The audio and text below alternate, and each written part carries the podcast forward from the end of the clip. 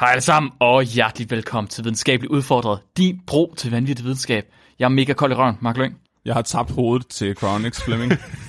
og jeg har et affrostent hoved, der ligger under Pirates of the Caribbean i Walt eller Disneyland. Åh, oh, oh, God. Vi skal nok snakke om Walt Disney i dag også. Det lover Jeg jeg. håber, jeg håber, vi kommer til at snakke om Walt Disney Fleming. Jeg har manglet det. Vi bringer en advarsel. Den følgende podcast handler om vanvittig videnskab. Al forskningen, der præsenteres, er 100% ægte og udført af professionelle. Mark og Flemming står ikke til ansvar for eventuelle misforståelser, men minder jeg om, at de altid har ret. Husk at være dumme.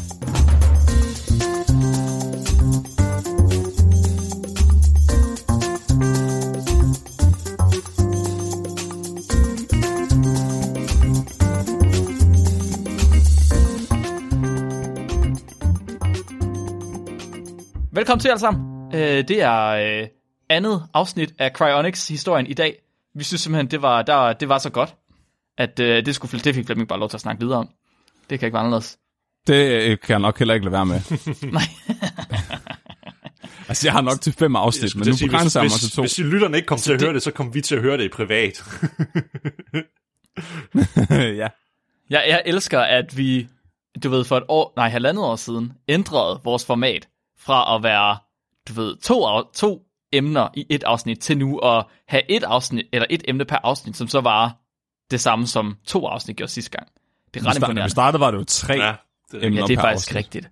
Kæft, men hvordan kunne vi begrænses til 20 minutter? Hvor er det vildt. Jeg synes, det var svært nogle gange at få det til at vare 20 minutter. Og nu kører det bare på i to timer. Jeg elsker det. Det er fandme, jeg synes, det er så fedt. Jeg elsker, at det er der, vi er kommet hen. At der bare er mega mange detaljer og mega god historie. Det, det nu blive håber bedre. jeg, at jeg kan leve op til, øh, til, til det, du siger. Ja, det har du fandme. Ellers så skrotter vi det her, Flemming. Ah, det er ret sindssygt, det der sker i dag.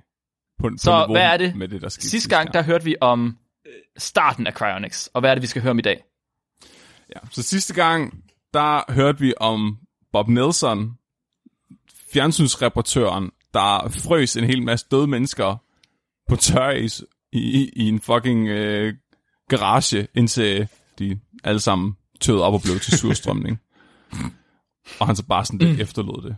Mm, Den der lidt hektiske start på en meget, meget, meget dedikeret bevægelse af mennesker, der er lidt tosset. Eller en meget sjov fest i Sverige. Det er rigtigt. Så, men det der, det der ligesom der, hvor vi slap sidste gang her omkring 1980, 1979 med The Great Four, det er, altså, det, der hvor vi sluttede sidst, det er kendt som en kæmpe stor katastrofe inden for Cryonics. Og bare lige for at minde jer om, Cryonics er ikke bare en flok entusiaster. Det er altså, der er flere kirker inden for Cryonics i USA, hvor folk bliver videt af præster, som er Cryonics præster, og de holder gudstjenester på James Bedford Day og alt det her. Det her, det er kendt som den største katastrofe nogensinde. Det er der, no, det er der Bob Nelson, der næsten slog Cryonics ihjel. Det er sjovt, der var en i dag faktisk, der spurgte mig, om, hvorfor, om jeg troede på Cryonics, og så er jeg sådan, nej, nah, Cryonics er meget ligesom en religion. Og nu har du så lige sagt, at det er faktisk en religion. Der er flere Cryonics-religioner i USA, ja. Der, der er Øh, flere, jamen, simpelthen. Fuck, det siger. Ja. Og der er, ja, og som jeg, det mener jeg, jeg kom ind på det sidste gang, men der er nogle af deres gudstjenester, der ligger inde på YouTube, og jeg har, kan godt indrømme, at jeg måske har siddet og Du- set nogle af dem. Det er virkelig Det skønt. tror jeg ikke, du har blev, du fortalt. blev du overbevist. Der er, jeg tror, det hedder The Church of Perpetual Life.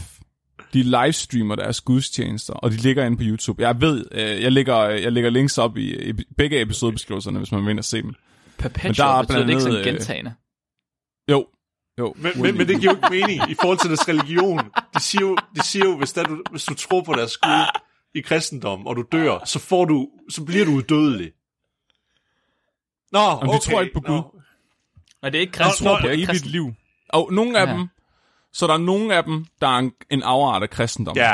øh, Okay. som jeg forstår. Fordi der står noget i Bibelen om måden paradiset er beskrevet, og på hvordan mennesket... Der er en eller anden passage, de fortolker til, at mennesket skal stræbe efter ja. udødeligt liv. Er det Og det er fordi, noget at de har hørt, at helvede er varmt, og så må paradis jo Jamen, så har være de tydeligvis ikke læst uh, Dantes Inferno, så.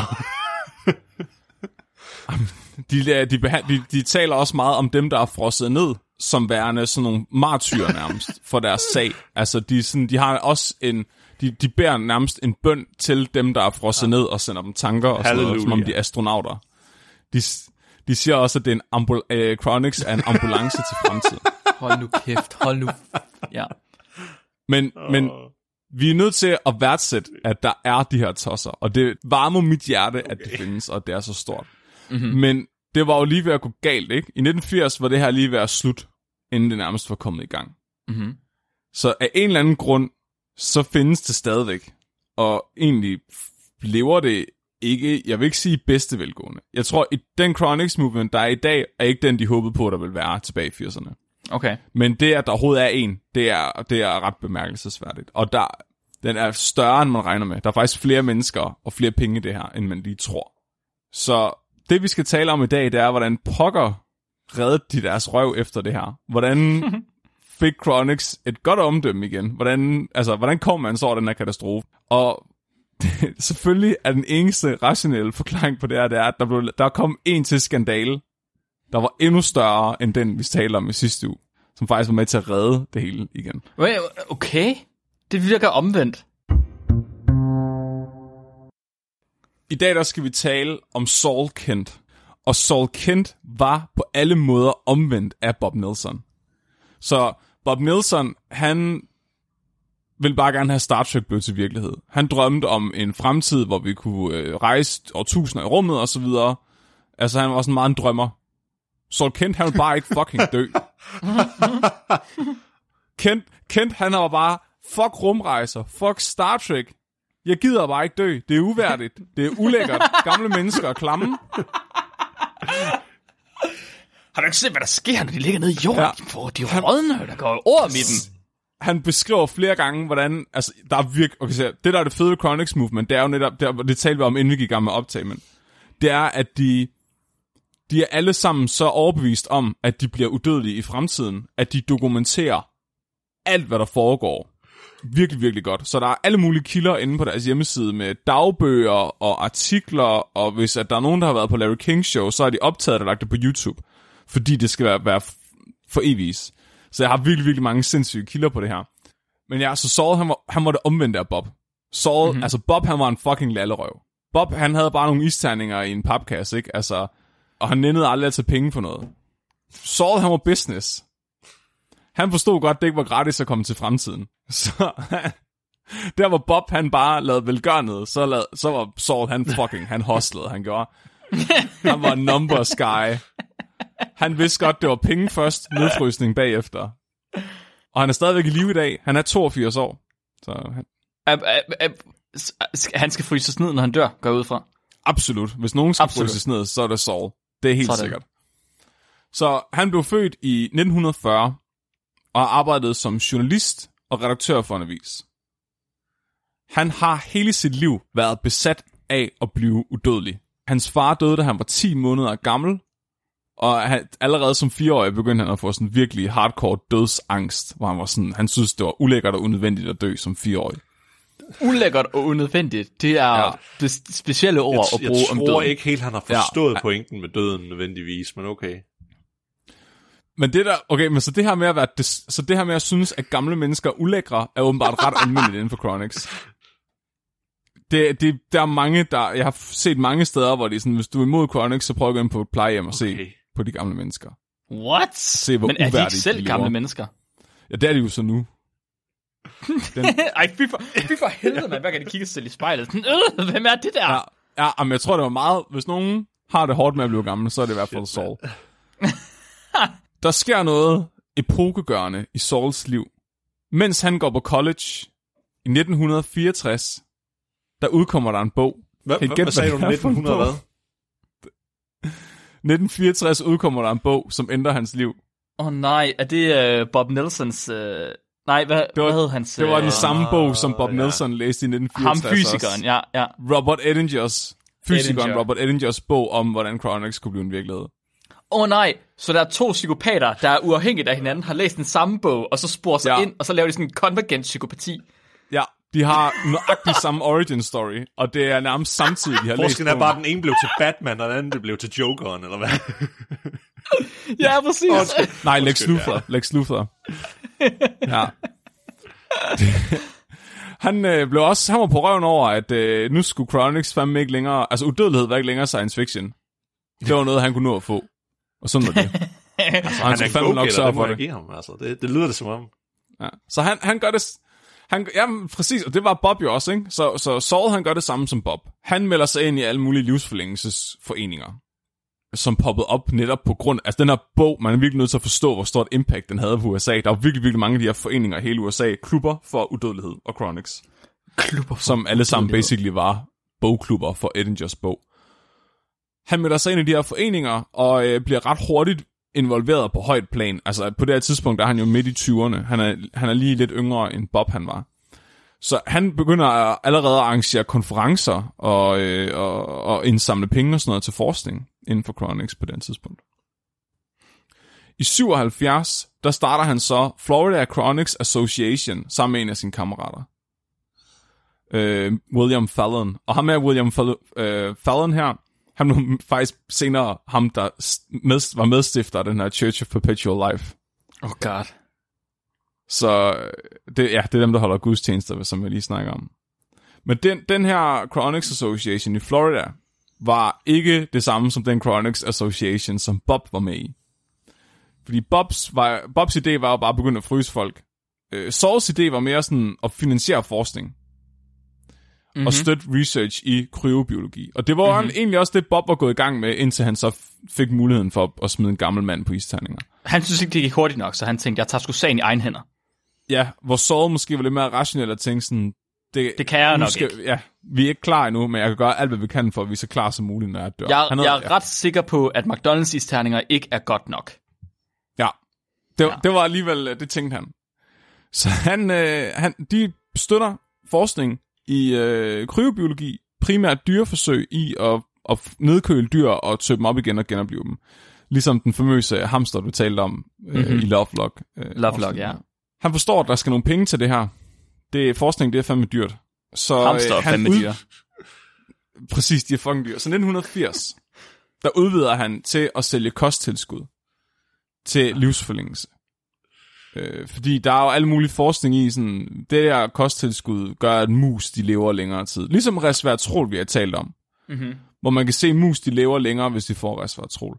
Og kosttilskud er netop ikke inde under Nej, de der er samme... ikke det samme regu- regulativer for, hvad, du, hvad med påstanden og sådan noget. Nej. Så allerede det, der lugter lidt som om, at han har en lille smule kvaksalver.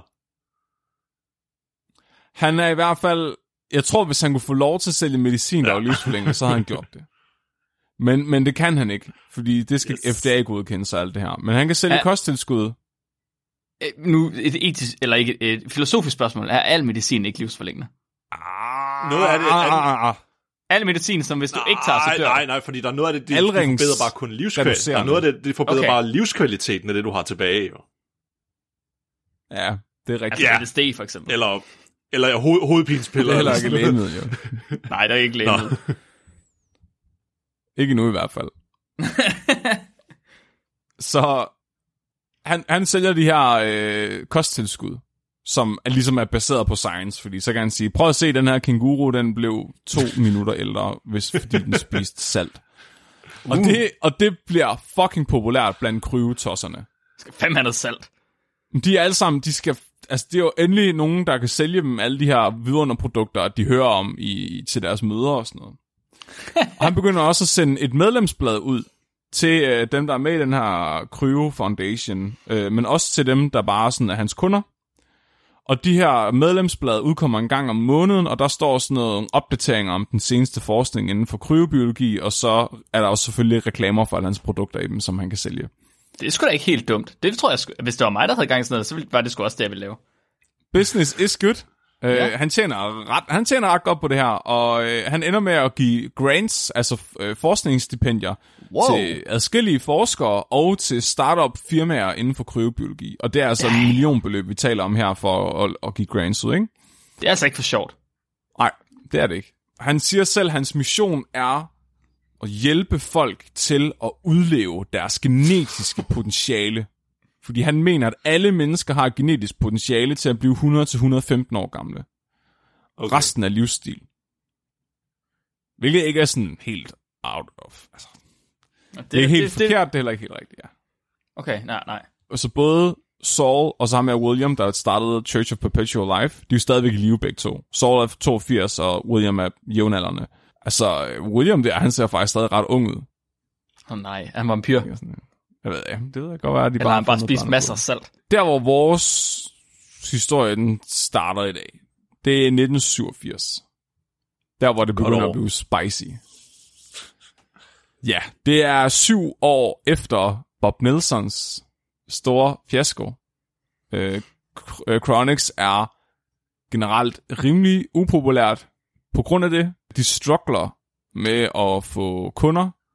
De synes, det, var gerne- sådan, det var som om, at resten af verden ikke synes, det var mega fedt, det der med, at der lå en lille pige, som var frosset, og så var tøet op, og så havde ligget og været tøet op i mange, mange år. Men, men Mark, Mark, du glemmer en vigtig øh, ting. en bunke voksne. De fikser det i fremtiden. Ja, De fikser det i En vigtig fremtiden, ting. jo. jamen det er rigtigt. De fikser det i fremtiden, ja. De fikser det i så skal fremtiden. lige fryse ned først igen. Jamen, det kan de også fikse i fremtiden. Ja. Problemet er bare, at de, det de der ni mennesker, der lå og var smeltet sammen, de bliver til et individ i fremtiden. Mås- hvad, hvad nu, hvis det er det, der er kutumen i fremtiden? Fuck, Nikolaj, Det er du kom med god Ja, lige præcis. Hive Alle sammen, mind. de skal bare meltes Ja, together to Cronenberg one Hive mind. Ja. Det, det oh. kommer til at ske med os. Vi bliver til videnskabeligt udfordret organismen. Det er vi sgu da allerede. Det gør, det bliver, okay, nej, det er vi ikke helt. Når jeg kommer hjem, så bliver vi. Næste skridt er bare at få en, en krop. Vi har allerede en sjæl. Ja. Så øh, Saul, han er jo... Så vi ved, to, vi ved to ting om Saul. Han er besat af ikke at skulle dø, og er villig til at gå rigtig langt for at gøre det til en realitet. Ikke at dø og blive gammel.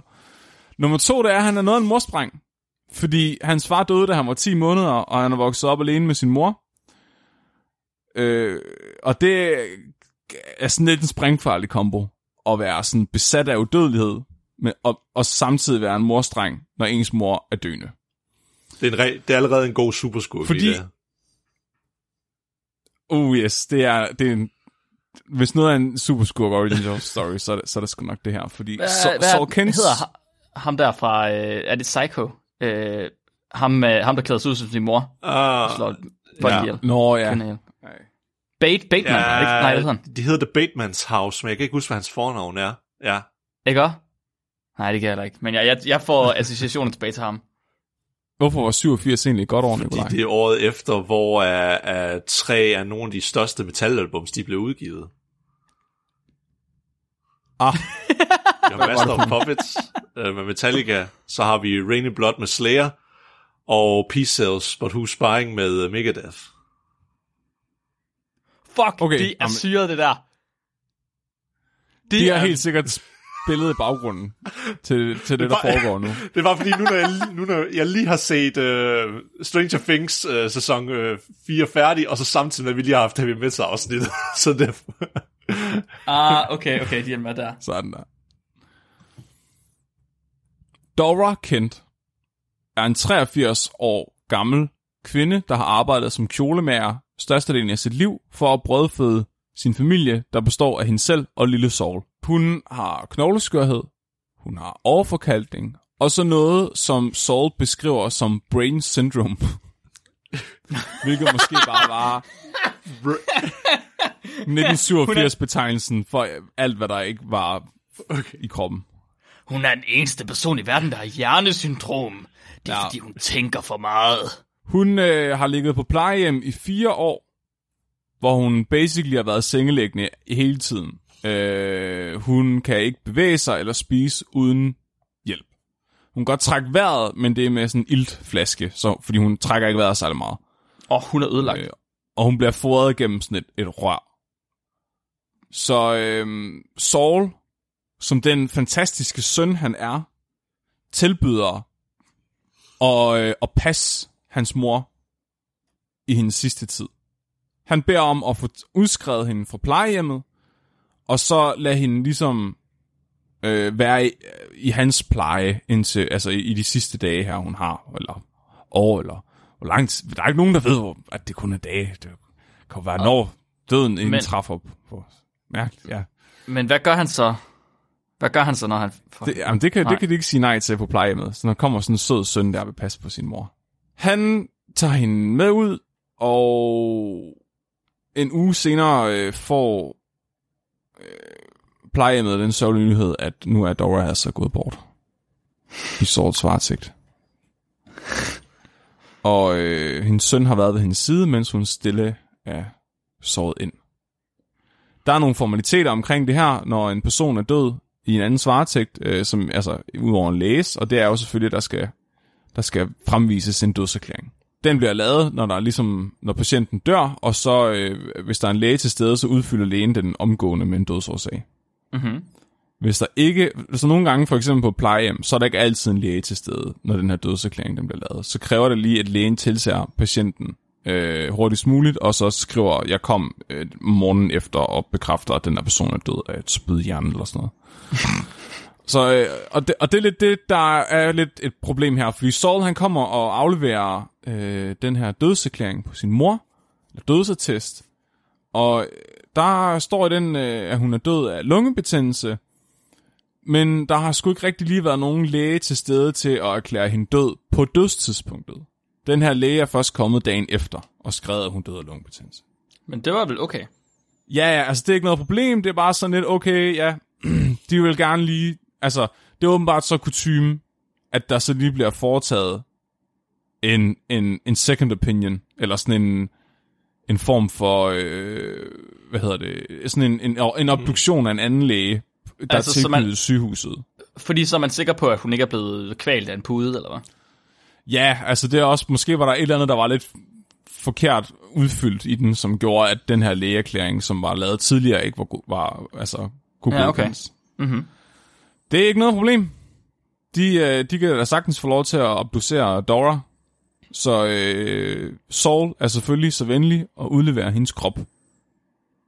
Hendes krop. Nej! Nej! Fordi hendes hoved, det mangler. Nej! Hold nu kæft. For... Det er sygehuset og plejehjemmet sådan, de bliver sgu lige sådan lidt forvirret. Det sgu ikke lige hver dag, at de får afleveret sådan en gammel dame uden hoved. Det er kun en uge siden, at Dora hun lå øh, og, og, inde på plejehjemmet og fik mad gennem rør, og nu kommer hun, bliver hun skudleveret af sin søn der- uden hoved på. Der, der, er- nu, nu er der bare et andet hul, de kan fodre hende igennem, jo. Ja, ja. Det var, det var de sgu ikke lige, øh, det var de sgu ikke lige sådan forberedt på, de der øh, plejehjemmet og sygehuset der, så øh, så han forklarer dem jo så, at øh, hovedet det befinder sig i Alcor Chronics Facility i Arizona, som er den her kryobank, der fryser folk ned efter deres død. Og øh, såret han sad simpelthen i bestyrelsen i Alcor. Ja, hvem skulle have troet det? Det er også ret belejligt, fordi Alcor ligger faktisk nærmest lige ved siden af plejehjemmet. Okay. Det er, næsten, det er næsten som om, at Saul har valgt at have hans mor på det plejehjem, der var så tæt som muligt på Alcor, så at i tilfælde af hendes død, kunne de ja. hurtigt få hende derover. Måske inden for fem minutter. Præcis. Inden, øh, før, fordi det, er jo, det var det, vi snakker om sidste gang. At øh, de skal være i gang med at fryse dem ned og nedkøle dem inden for de første 5 minutter efter døden, fordi ellers så begynder der, at hjernen at blive nedbrudt sådan virkelig groft. Så øh, for 100.000 dollars, så kan du blive frosset ned ved Alcor øh, tilbage i 1987, eller for 45.000, så øh, kan du vælge kun at få frosset dit hoved ned. Undskyld, undskyld, undskyld, undskyld, undskyld. Så den der person her, der sidder i bestyrelsen, måske endda er formand, var det det, du sagde? Mhm. Ja, han har simpelthen valgt den billige løsning til sin mor. Ja, Han kunne ikke, han kunne ikke lige få den dyre løsning som en af sine frynsegoder. han argumenterede for, at hendes krop var så smadret, at der var ikke nogen grund til at fryse den ned. Det kan I godt glemme alt om det der, gutter. Jeg sparer lige Ja. 55.000, fordi det er fandme ikke det værd. Det er den krop ikke værd. Vi skal den alligevel af om 500 år. Ja, hun får bare en ny ung... Han, han er overbevist om, at de kloner bare en ny krop til hende, der er ung. Selvfølgelig, ja. Flemming. Det fikser de i fremtiden. Faktisk er han, ikke, er han også egentlig ret ligeglad med hendes hoved. Altså for ham, der forklarer han bare, at kraniet bare er en praktisk indpakning til hjernen. det er sådan en rigtig seriemorder. Det er sådan en rigtig seriemorder ja. sagt. Ja, Så han havde tænkt sig at lave den klassiske med at komme hjernen ned i glas med noget buffer Nice. i, eller sådan noget. ja. Men han mener, Hold der er ingen grund til at tage den altså der er ingen grund til at risikere at ødelægge den ved at tage den ud af kraniet, og kraniet bare kan beskytte den. Selvfølgelig. Så. ja Meget klar. pragmatisk type, ikke? Det er der, han er, han er det omvendte af Bob. Ja. Fordi Bob, ikke Bob Nelson, han har fucking ni lige, han prøver at holde nedkølet, og han banker rundt med fucking McDonald's terninger og ved at, at, men på intet tidspunkt tænker han, hvad med at bare sætte hovedet af dem alle sammen? Så, er der kun, Prøv at- så skal hvis- jeg kun fryse en femtedel ned. nu, nu er det kun fordi, jeg har lidt erfaring med at have hoveder til ikke i fryseren. Øh, men jeg kan fortælle jer, der er, altså det er det første, man gør, hvis det er, man samler på hoveder, fordi de fylder meget, meget mindre, Ja. end hele kroppen gør.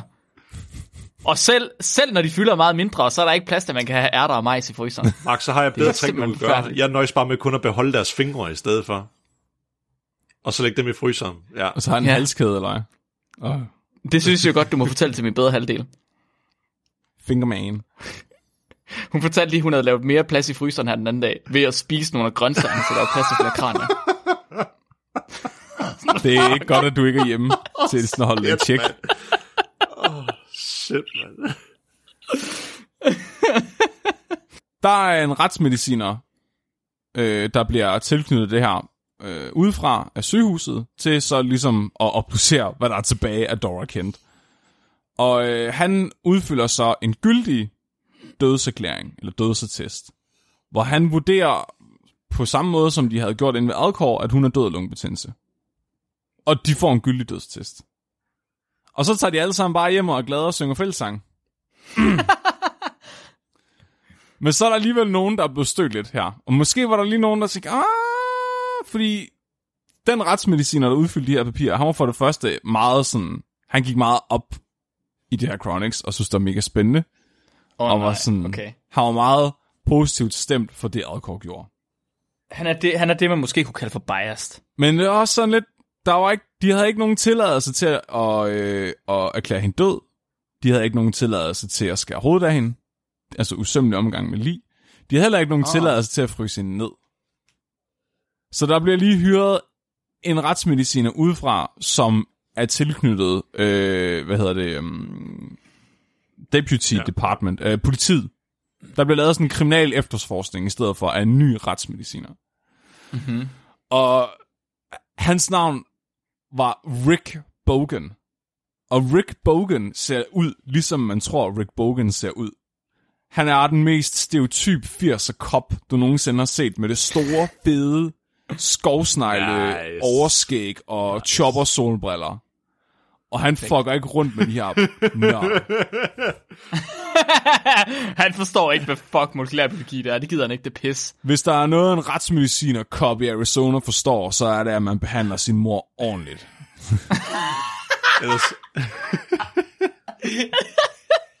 Det er imod Guds vilje, at du fryser din mor ned. Er du hvor- sindssyg? Ja, hvor våger du at gøre det, din Så, fucking øh, commie? Præcis. Han finder ud af noget lidt spændende, som de ikke har fundet ud af tidligere. Og, det, og jeg er virkelig ked af, at jeg ikke kan være mere specifik, men det er, hvad der er blevet offentliggjort om sagen. Og det er, at han detekterer nogle metabolitter i hendes væv, i kroppens væv, som kunne indikere, at hun har været i live, da hun blev kryopreserveret. Wow. Det er vildt irriterende, for du har allerede givet os den disclaimer, men hvordan, hvad er det for nogle metabolitter, man kan se det på? Hvordan ved man det? Ja. Så det, så det de gør, så måden Alcor fryser folk ned på, er måden, som Bob Nelson gerne ja. vil have frosset folk ned på. Rent faktisk at køle dem ned først med, øhm, altså, med, hvad, hvad var det, øh, tør is, og så med flydende nitrogen bagefter. Ja, men, ja, og så udskifter de alt blodet i kroppen med en rigtigt, ja. antifreeze øh, Ja. opløsning, som er en sådan noget. glycerolholdig øh, ja, opløsning. Ja. Ja. de, og så på, den, det, det, de først gør, det er jo, at de begynder, altså de ligger jo selvfølgelig kroppen på McDonald's tandinger, så den bliver kølet langsomt ned, ikke til, så cellerne fryser, men så den bliver køleskabskold, mens at de pumper koldt øhm, kryvemiddel ind, i- så kroppens celler ikke springer, når de bliver, når de krystalliserer. Og det tyder på, at der muligvis er nogen, der er begyndt at pumpe noget, noget, noget af det her antifrostvæske ind Oh, i hende, okay. mens hun har været i live. Muligvis. Så, cirka, så er det blevet cirkuleret rundt i kroppen. Ja. Og nedbrudt måske. Ja, så er hendes celler jo så nok gået i gang med at prøve at nedbryde det, øh, fordi det er kommet i stedet for blodet. Øhm, Fuck, det, det er spændende. så han, øh, Rick Bogan, han, øh, han, han kører skulle lige over og banker på over ved Alcor. Øh, det er virkelig sjovt, når man så set, hvordan de ser ud, og hører, hvordan de har opført sig. Han står der og banker på den her fucking identitetsløse betonbygning med, med sit mustache og sin chopper solbriller. og øh, så er det formanden for Alcor, Mike Darwin, der åbner døren. Mike Darwin, han ser også fuldstændig ud, som man forestiller sig. Han er en kæmpe science-nørd, der simpelthen har skiftet navn til at, være, til at hedde det samme som Charles Darwin, fordi han forkastede kreationisme så meget. Han er sådan to meter høj, meget tynd pind, som lige præcis øh, har ører nok til, at der kan sidde et par meget store briller på hans tynde krop. Det lyder meget som om, du er i gang med at beskrive øh, hele castet Ja, ja. fra Stranger Things. Ja. Bare, du ved, samtlige 80'er stereotyper, Ja. man kan finde. Så Mike Darwin, øh, Rick Bogan beder meget pænt om, at de udleverer Dora Kents hoved. Fordi han er nødt til at have resten af hendes krop, for at kunne endeligt afgøre, om hun har været i live, da de begyndte at fryse hende ned. Så han er nødt til at tage hovedet op for at lave en obduktion på det. Desværre kan Mike ikke hjælpe ham. Fordi Dora Kents hoved befinder sig ikke længere ved Alcor. What? Det er blevet flyttet. Og der er ikke nogen på Alcor, der ved, hvor Saul har taget det hoved hen. Nej, what? Er han, han flygtet med det? Saul er stukket af med sin mors afskårende, frosne hoved, fordi han godt vidste, at de ville komme efter ham. Prøv her, prøv her, prøv her. Hvis du sagde noget, der bare mindede om det der indtil en terapi-session.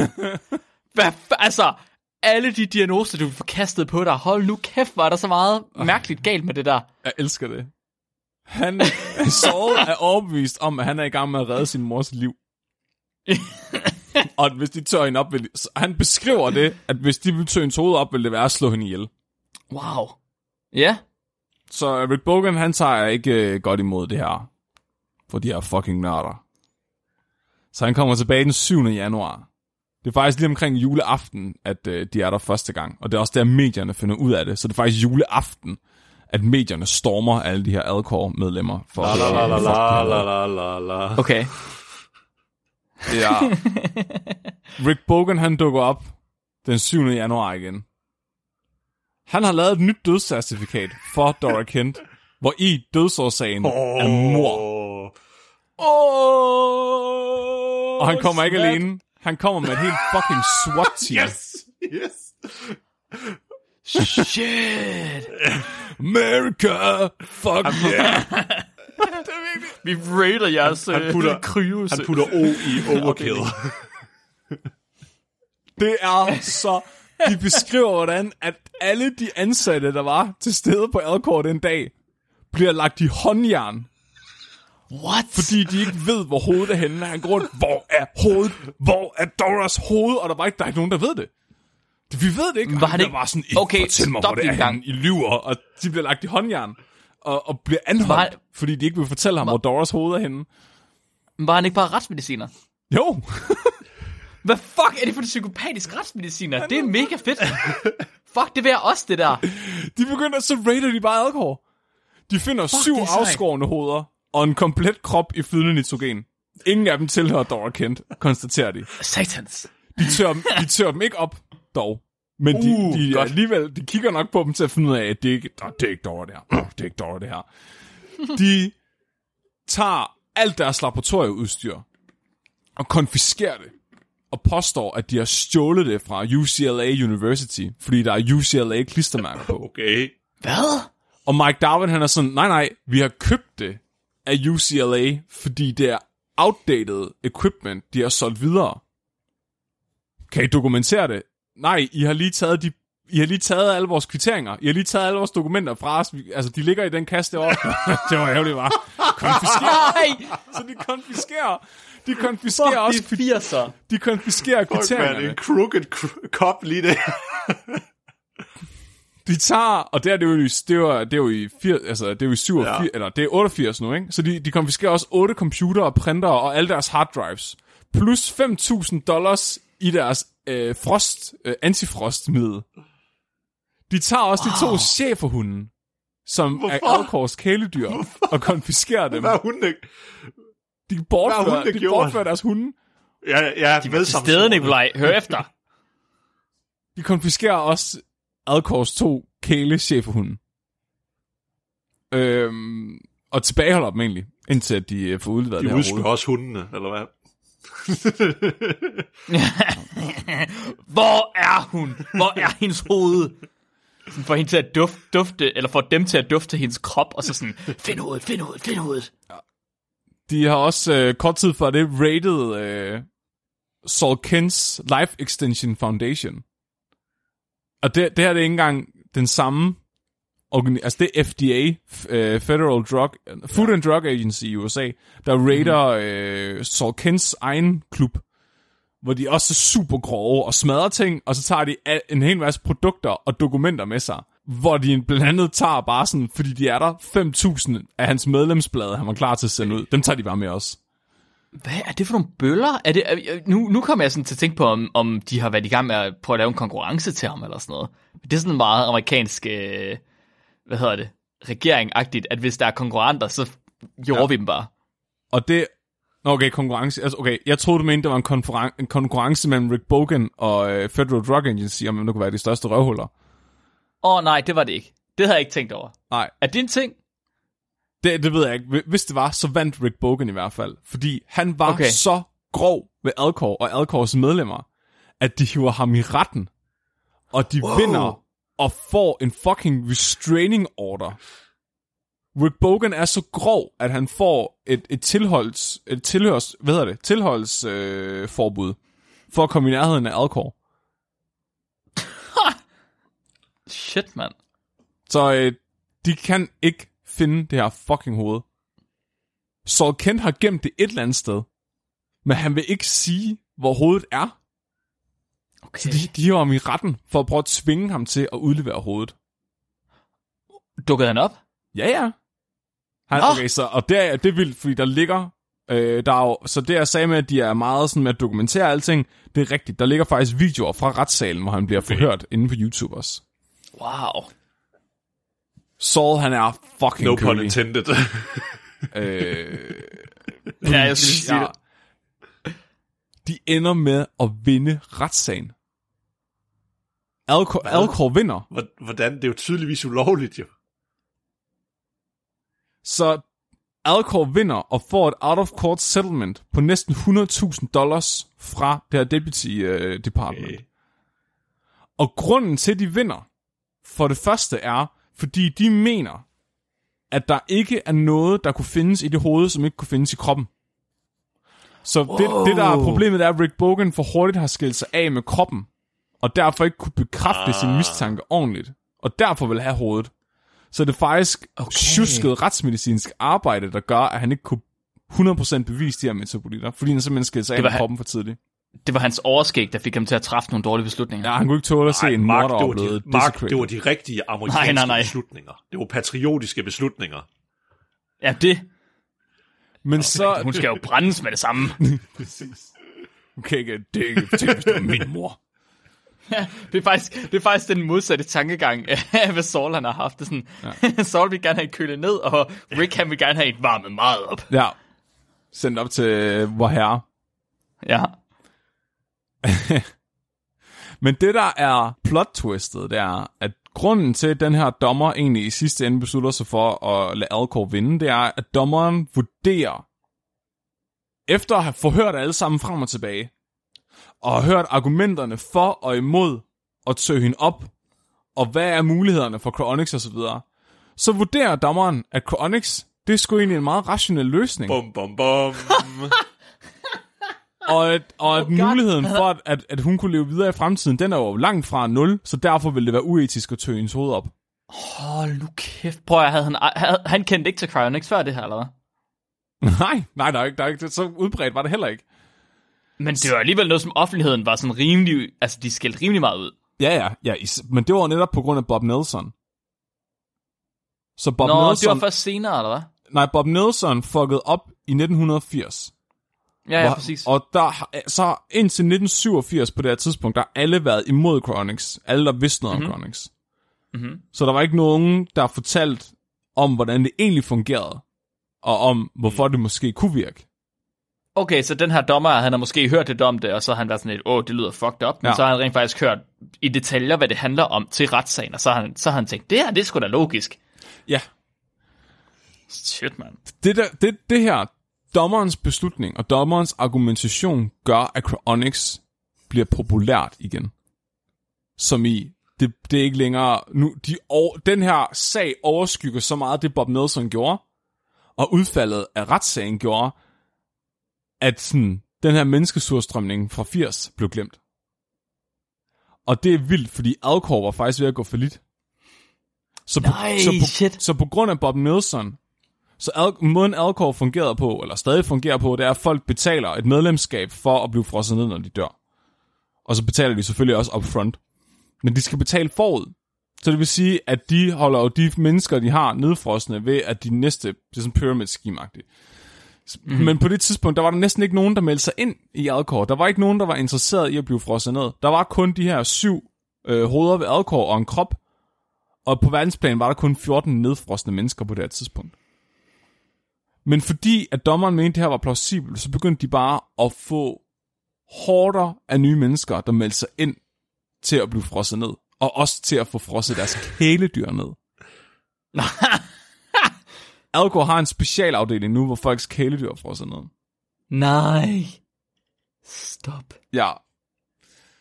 Så fordi Saul Kent skar hovedet af sin mor og stak af med det, og kom i retten, reddede han Cryonics-bevægelsen fra at gå i glemmebogen.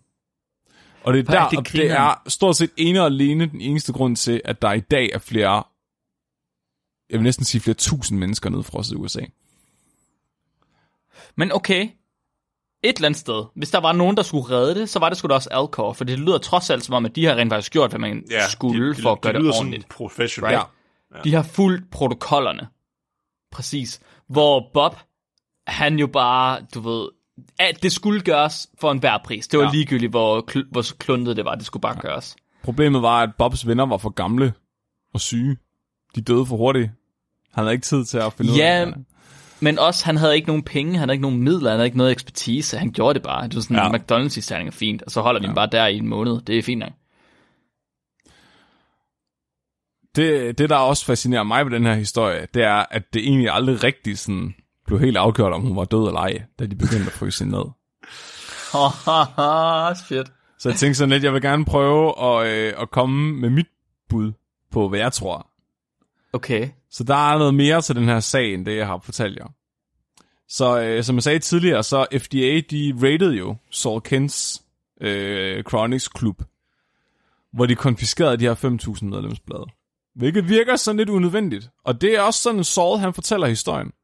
Saul er meget sådan, det var totalt unødvendigt, og de var bare mega grove, og de gjorde det, fordi det var nogle røvhuller osv. Men det var faktisk alligevel meget relevant, fordi han blev også hævet i retten af FDA. Og det viser sig, at i de her medlemsblade har der været reklamer for deciderede lægemidler, og ikke kun kosttilskud. Og de her Uh. livsforlængende lægemidler er ikke FDA godkendte. Men de kan ikke bevise, at det er Saul, der sælger dem. Ja. Så Okay. det, reklamen går på en Dr. Helpman. Og Dr. Helpmans Life Extension Drugs. Problemet er, at Dr. Helpman ikke findes. Og Dr. Helpmans Life Extensions Drugs aldrig øh, heller ikke rigtig sådan Plot nødvendigvis findes. Det virker Det lyder som et subplot fra øh, Bioshock, ja. eller fra øh, Fallout, eller sådan noget. Ja. så det er øh, højst sandsynligt, så, så rygtet går på, at øh, Saul har hyret en mandlig model til at tage en kittel på, og så taget et billede af ham, og så trykt ham som Dr. Helpman i det der blad, for der er faktisk et billede af Dr. Helpman. Så han, han bliver simpelthen hævet retten, fordi de mener, det er et shell company, han har lavet, altså en virksomhed, som han har skjult sig i for at sælge ulovlige lægemidler. Mm-hmm. Og jeg tror 100 p på, at han har gjort det her. Altså så 100 procent. 100%, så han bliver faktisk frikendt. For de kan ikke bevise, Nå. at han har gjort det. Men han siger selv i flere interviews, at FDA er fucking langsomt og rigidt og umuligt. Og han siger bare, i 1996 i et interview, der siger han, at på det tidspunkt, der er 500 forskellige behandlingsmuligheder, altså drugs, der er godkendt i andre verdensdele, som viser sig at virke rigtig godt, som ikke udbydes i USA. Og det er simpelthen, fordi det er så dyrt at få FDA-godkendt et lægemiddel, at lægemiddelsproducenterne ikke gider at prøve at sælge det i USA. Mm-hmm. Og han siger, at FDA blev bare skabt i 1906 for at kontrollere øh, bakterier i mad og fødevarer, og at ham, der startede FDA, kom til at have FDA så meget, at han sådan renouncede det senere i sit liv. så han siger simpelthen, at øh, FDA er fucking uduligt og nogle snylder, og de ødelægger øh, amerikanernes mulighed for at få ordentlig lægebehandling. Og det er måske lidt rigtigt, og lidt, ja, men ikke lige så ekstremt, som man siger, må jeg sige. Så øhm, jeg tror bare, han har, han har taget teten lidt, og så har han måske bare lige du ved, sagt, fuck FDA og kørt det udenom dem. Men det slipper han faktisk også fri fra. Så der ved vi allerede, at han er klar til at gå på kanten af loven, for at nå sit mål om ikke at skulle dø, og ikke blive gammel ulækker. Mm-hmm. Han så også ind på Larry Kings show, øh, kort tid efter han er blevet frikendt. Og øh, der vil han stadig ikke kommentere på, hvor hovedet, morens hoved befinder sig. Der er faktisk ikke nogen, der ved, hvor hans mors hoved er den dag i dag. Det er stadigvæk ikke inde ved Alcor. Dora Kents hoved er stadigvæk forsvundet, officielt. Ej, ja, altså han, har, han ved det jo selvfølgelig selv, man kan vide om, når han så dør, det må jo være inden for alt for længe, ja. går jeg ud fra. Ja. At så må han jo have nogle instruktioner til, hvordan, altså hvem skal vide, hvor hendes hoved er henne, et ja. eller andet. Ja. Kan vide, om han har sådan en underjordisk bunker eller sådan noget? Jeg ved det ikke, det er ved siden af Han kunne godt være typen til det, hvis han er sådan øh, mogul, sådan en type med virkelig mange penge. Jamen, det tror jeg ikke, han er. Jeg, tror, han har brugt sine penge. Nå, okay. Ja, Jamen, han havde jo mange penge. Det kan være, han fik bygget ja. en bunker, mens han havde mange penge, som ja. så ligger i USA, kan du fandme bygge alt muligt mærkeligt nede i undergrunden. Det er bare på Antarktis, jo, i isen. Ja. Jeg tror ikke, det var dyre der. Jeg tror, det var dyre der. Ja. Jamen, det er jo koldt i forvejen, så skal du ikke betale så meget for nitrogen. Åh, det er rigtigt. Han er bare, han er bare gravet ned. Ja. Han er været med en skovl. Ja. Boremaskine. Og øh, der, altså, på Larry King Show, der virker han meget sympatisk. Der er meget sådan, ja, men hun var, hun var også meget tæt på at dø, da jeg tog hende ud. Hun havde faktisk været momentært død øh, ugen før. Så øh, okay. det, det gjorde bare ligesom, at jeg var overbevist om, at nu skulle hun bare... Ja, det var tiden. Så, øh, det var tiden. Han indrømmer også, øh, han har sgu egentlig... Så, så retssagen der, den sluttede jo egentlig med, at dommeren sagde også, at hvis de skulle have tøet hende op, så skulle de lave en ny retssag, hvor de så skulle kunne bevise, at deres ønske om at obducere hendes hoved overruler hendes eget ønske om, hvordan ja. hendes liv skulle bortskaffes. Okay. Og det bliver også svært for dem. Men det er så lige der er en lille twist, fordi Saul han fortæller, kommer til faktisk til at indrømme, at hans mor måske aldrig rigtig bad direkte om, blev frosset ned. Uh, snap. Den er ikke god. Hun er egentlig bare, du ved, han har siddet, han har været det der ene barn, der bare har siddet kun og snakket om Chronix hele tiden over cornflakesene. Og så har hun bare været sådan, ja, det lyder godt, skat. Det var da en god idé. Ja, ja, ja. Så han har bare sagt, ja, hun udviste interesse for det. Nok til, at han mente, tolkede det, som om hun ville fryses ned. Åh oh, nej. Faktisk havde han aldrig nogensinde aftalt med hende heller, at han ville skære hendes hoved af. Men han mente, det gjorde ikke noget, fordi de fikser det i fremtiden, nej. og hun bliver meget taknemmelig, når hun vågner op med en ung krop, i stedet for den gamle sure krop. De fikser det i fremtiden. Ja. Prøv, prøv lige, undskyld, prøv lige at forestille jer at have sådan en bedstemorhoved oven på sådan en virkelig ung krop. Butterface. Bare put, put en pose over det shit, Mark, så gør det ikke noget. Og de skifter bare ansigtet også. Åh, Nikolaj. Åh, Nikolaj. Fy. Ja. Der er faktisk en, der har skrevet en dagbog. Og den her dagbog er blevet skrevet ind på Alcors hjemmeside og tilgængelig derinde. Og den her dagbog er skrevet af Michael Perry, som på daværende tidspunkt var assistent i Alcors laboratorie, og var med til at fryse Dora ned, og var der også de dage, at Dora var inde på Alcor. Så Dora mm-hmm. var faktisk på Alcor i seks dage, hvor de passede hende, inden hun døde, efter sine. Mm. Michaels job, det var at sørge for, at hun blev kølet ned langsomt. Altså gradvist at putte nye McDonald's isterninger ovenpå hende, indtil hun kom i flydende nitrogen. Han beskriver, hvordan at uh, Saul en dag kommer kørende ind med Dora på en borg inde på Alcor. Så han har, Saul har faktisk aldrig taget hende med hjem. Han har bare kørt hende direkte over på Alcor med det samme. Han kører øh, den her gamle visne mor med iltapparat og øh, slanger hele hovedet ind på Alcor, og øh, står lige og har en øh, samtale med øh, chefen, Jerry, om hvordan at øh, det kunne være smart, hvis man lige kunne scanne hendes hjerne med en computer, øh, for at se, øh, mens hun er frosset ned, om hendes personlighed stadig er inde i hendes hoved, inden de tøjner. Hvad? Hvad? Ja. Så, øh, Apropos. så efter nogle dage, så går de alle sammen bare og håber på, hun dør. Det skriver han decideret. De er forhåbningsfulde om, at den 10. december er den dag, hun skal dø, fordi hun begynder at trække vejret dårligt. Og øh, de mener, han skriver, at hun er blevet holdt unødvendigt i live i tre år, mens hendes hjerne bare har rådnet. De alle sammen foragter sådan synet af gamle og døende mennesker. De synes, det er ulækkert og unødvendigt. Wow. Så øh, de fjerner hendes feeding tube.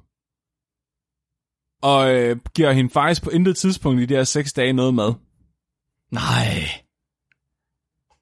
Øh, Saul Kent fortæller også uh, Michael, at øh, min mors hjerte har slået i 84 år. Nu håber han snart, at, hun, at øh, det kunne få lov til at stoppe. Så den- den her 10. december, hvor de alle sammen går og venter på, at hun skal dø, ikke? Klokken 10 om aftenen, der begynder de at blive lidt utålmodige.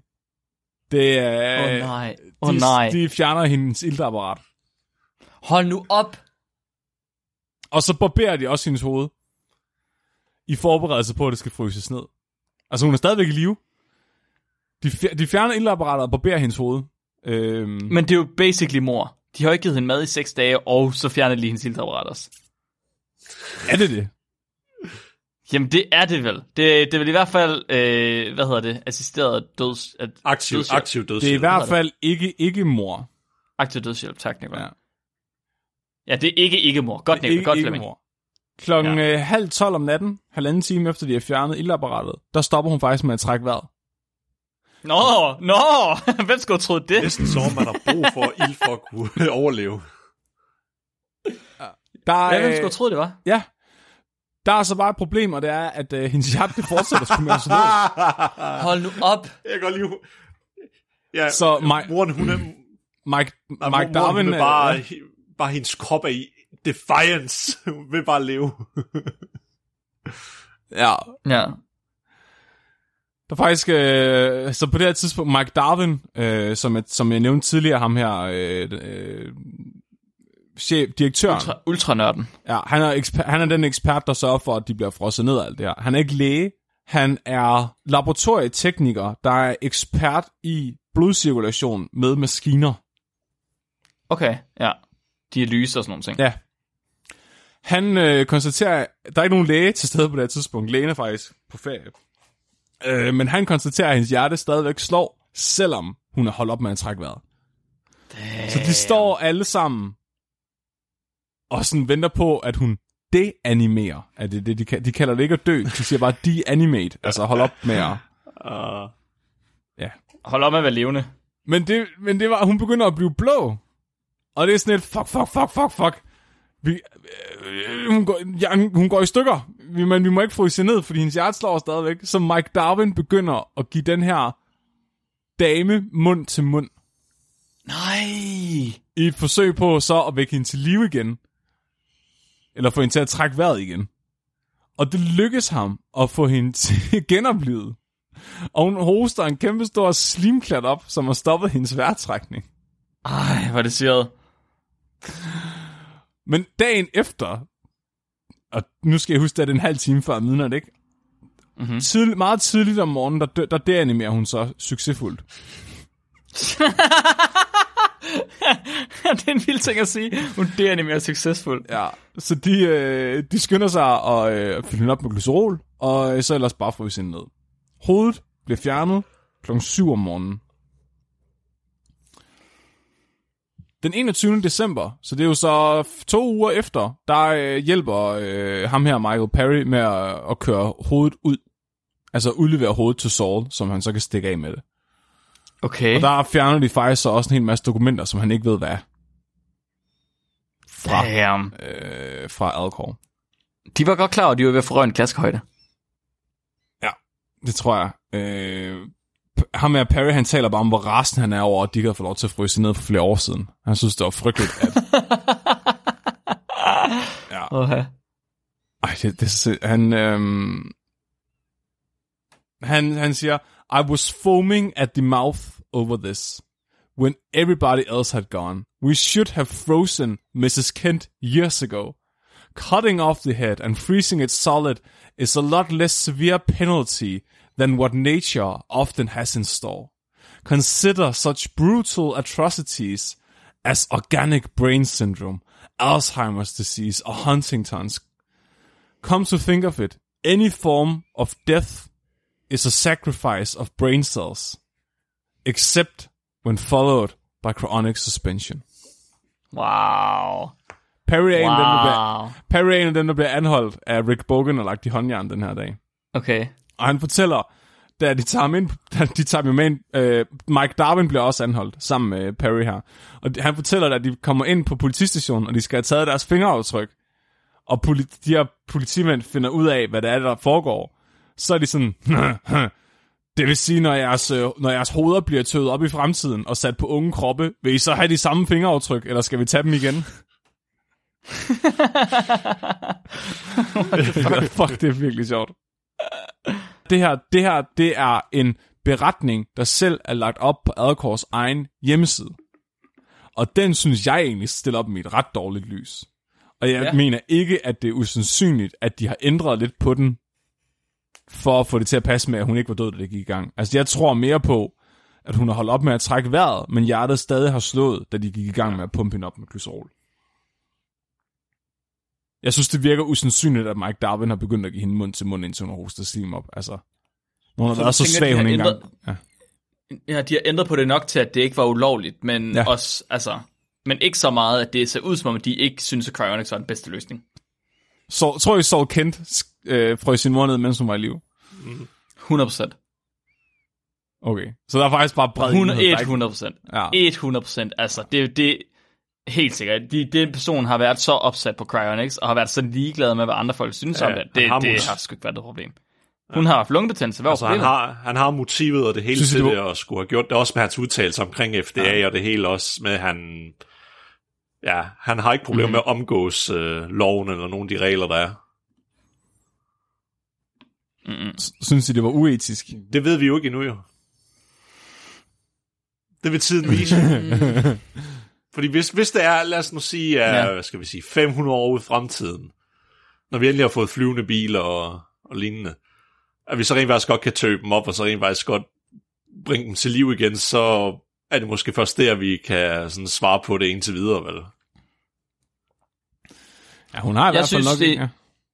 Jeg synes, det er en uetisk måde at slå et anden person ihjel på, også selvom det skulle være aktiv dødshjælp. Men hvis de har fjernet hendes mad og fjernet hendes ilt, så er hun jo død på en Ja. ret ubehagelig måde. Altså, Nej.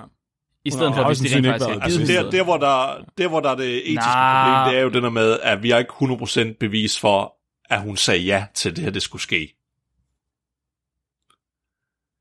Hun har nok ikke været i stand til at sige ja.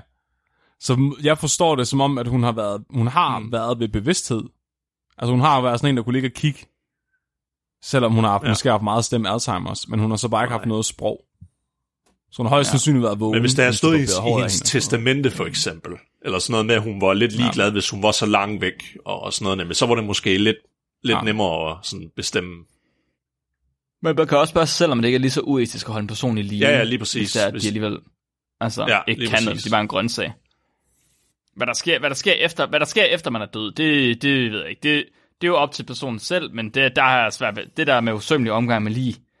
Jeg ved godt, vi havde det der med at skære folk i stykker og stille dem og sådan noget. Og sådan lidt. Det, det, er ikke, det, det er ikke så meget den person, der er død, fordi hvad fanden skal de her med der gøre? Det er mere de Ja. ja. pårørende. Det er deres holdning, man skal tage lidt højde for. Og hvis ja. den pårørende her, han var lidt ligeglad, så ja, whatever.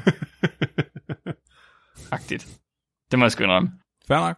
Jamen, øhm, det er Deputies Office, som stod for at lave den her retsmedicinske undersøgelse, som Rick Bogan var en del af. De, øh, det her det var ikke den sidste åndssvage fejl, de nogensinde kom til at lave, altså hvor de fjernede kro- brandkroppen for tidligt. Øh, der var på et tidspunkt en, øh, en ung kvinde, der var blevet slået ihjel, som de skulle obducere for at finde ud af, hvordan hun var blevet slået ihjel, og hvem der muligvis havde gjort det. Men der kom de ved en fejl til at kremere hende, inden der var nogen, der havde kigget på hende. Fordi de troede, hun var en anden. De troede, hun var en mand. Der var ikke nogen, der lige åbnede kisten og kiggede ind og brændte hende af. De øh, sygt. blev også øh, rated på et tidspunkt, hvor de så opdager, at øh, det bord, som de har foretaget obduktionerne på, simpelthen er et havebord. Nej, Med en due på, øh, eller hvad? ja. det er fedt. Og, øh, og det mest fucked up, det er, da de flyttede kontor, der, øh, der lejede de så, øh, nej, der solgte de så bygningerne videre til nogle andre. Men der lå så en seddel til dem, der flyttede ind, øh, om at, øh, at der lige var nogle ting ude i garagen og nede i kælderen stadigvæk, øh, som de bare lige skulle lade stå, og de nok skulle hente dem på et andet tidspunkt. Det var 24 kasser med menneskelige kropsdele, der var opbevaret i formaldehyd på forskellige måder. Hold kæft, mand. Ja. Jeg kan huske, jeg kan huske øh, da jeg skrev med speciale, der øh, sagde min specialevejleder på et tidspunkt sådan, det han synes er allerfedeste science, det var det der med, at man skulle finde på nogle lavpraktiske løsninger en gang imellem. Øh, Hvor man ligesom skulle, du ved, binde ting op på gaffertape for at få et eksperiment til at lykkes. Det her, det lyder ja. lidt som om, det er folk, der virkelig har taget det til ja. sig med at binde ting op med gaffertape for ja. at få det til at lykkes. Der var en ting mere, jeg synes, vi lige skal have med os, og det er alt det her forskning, som de finansierede. Altså fordi det, nu har vi snakket om Cryonics, historien om Cryonics og alt, hvad de har lavet. Men det er også lidt spændende med den science, der er foregået. Altså hvor realistisk er det egentlig, og hvor velbevaret bliver det af at blive frosset ned på den her måde. Mm-hmm. Og der er det jo, at Saul Kent jo har bidraget med rigtig meget finansiering til forskning, men også Alcor selv har udført utrolig meget forskning, der blandt andet er finansieret af Saul.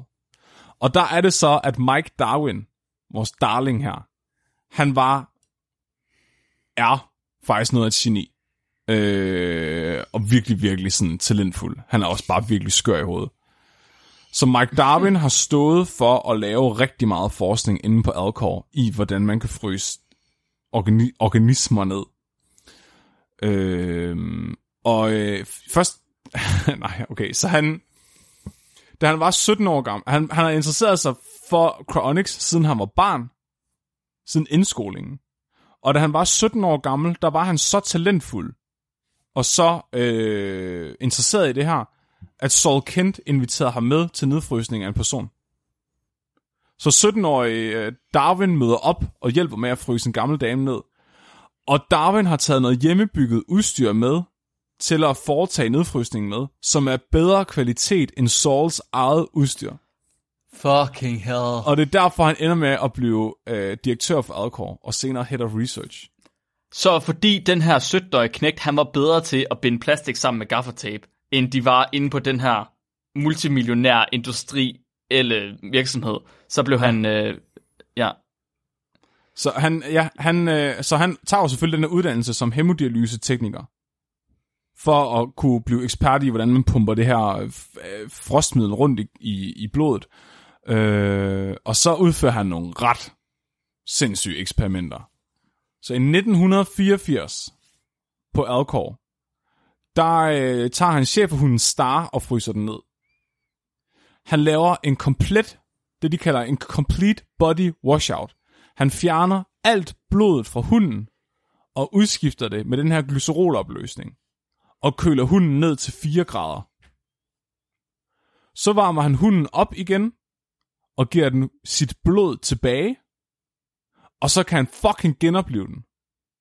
fuck. Er det totalt James Lovelock, det der? Star overlever, Shit, man.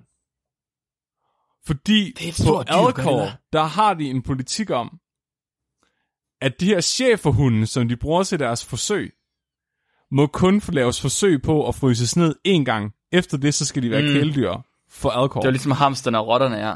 Så de to cheferhunde, de konfisk- som Mike Bogan konfiskerede, har været frosset ned på Alcor på et eller andet Shit, tidspunkt og ja. slået ihjel. Ja, Shit, fuck, det er syret. To måneder senere, der gjorde han det samme igen. Bortset fra, at øh, der lå han hunden være nedkølet i fire timer, og så lavede de også hukommelsestests på hunden, og testede den for dens personlighed. Og så, at de ikke kunne finde nogen tydelige tegn på, at den ligesom havde ændret sig i hovedet af at være frosset ned. Men okay, nu ser du frosset ned, men det var ned til 4 grader, ikke? Ja, det er ikke Det var ikke dybfrossen. Nej, det nåede Nej. de ikke til endnu. Øh, de prøver med mange hunde efter det her, men har øh, så efterfølgende, kan de ikke replikere det på samme måde. Fordi det er en af de ting, Mike går meget op i, det er at kunne replikere sine resultater. Så det er ikke nok for ham, at han gør det her én gang. Han skal gøre det mange gange for at vise, at han kan God være forsker. consistent. Præcis. Øh, og, men der får han, han kan ikke replikere det. Og det viser sig så desværre, at det faktisk bare er fordi, at der er et eller andet galt med en af de her dialysemaskiner, Ah. som man ikke går opdage. Han opdagede det ikke i tide. Og på et tidspunkt, der var der en hund, der faktisk blev genoplevet, men det viste sig, at dens blod var blevet kontamineret, mens det var ude af kroppen. Der var også kommet, den havde, dens blod havde fået blodforgiftning, mens blodet ikke var inde i hunden. men din, hunden overlever, fordi de erstatter alt dens blod med en kunstig blodsubstitut. Wow. Hvilket jeg tænker bare er, er donorblod fra et andet dyr. Det er det nødt til at være, ikke? Jo. Øh, og så skriver de ind på Adegårds hjemmeside, hvor de beretter om alle de her forsøg. Hvis man synes, det er uetisk, så skal man bare tage ind på et plejehjem. Og kigge på, hvordan folk lider derinde. Det er ingenting i forhold til, hvordan de hunde de lider. Wow. Ja. Og det er virkelig sjovt, fordi det du sagde med, at han Ja. er en god videnskabsmand, ikke Nikolaj?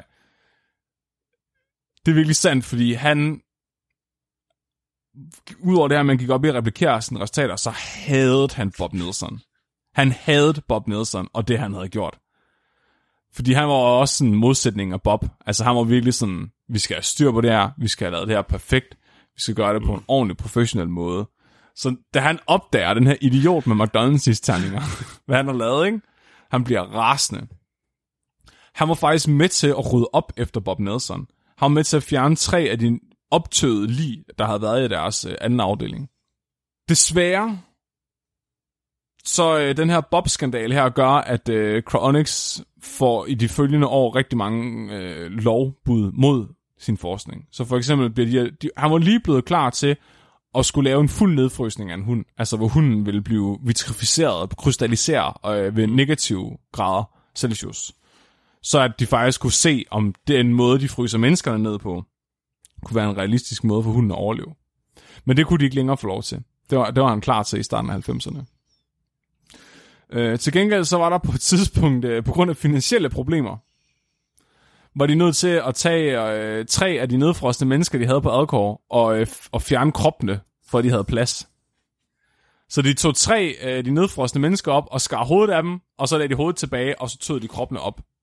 Og der så, mig, der så øh, Darwin jo lige en, en mulighed for at obducere dem. Ah. Og der finder han så ud af, at cellevævet ser rigtig fint ud. Altså de enkelte celler ser egentlig ud, som om de er meget velbevaret, og de ikke har taget noget skade. Men at selve kroppen var revnet flere steder. Okay. Oh, shit. Altså, ja, så vævet havde det fint, men på makroniveau, så var kroppen, der var store flækker inde i kroppen. Ligesom man ser i en isterning. Så det er bare... Er det på Okay, grund af, at isen hvor- har udvidet, eller vandet har udvidet sig ind i dem for hurtigt, eller hvad? Eller? Ja, han, ja, han mener det, er, fordi ja. De er blevet frosset ned for hurtigt, og fordi de ikke har brugt okay. nok glycerol. Ja. Så. Hvor, det, men var, det var glycerol, de brugte. Ja, det er jo glycerol, der er blandet med alt muligt andet.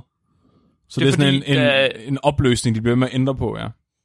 Det, det James Lovelock han gjorde med sine hamster, det var at give dem glukol, som er det samme øh, antifreeze, du bruger i dit, øh, hvad hedder det, øhm, solvarmeanlæg, sådan nogle man har det hjemme i hjemmet, Ja. og alle mulige andre varme, varmeanlæg.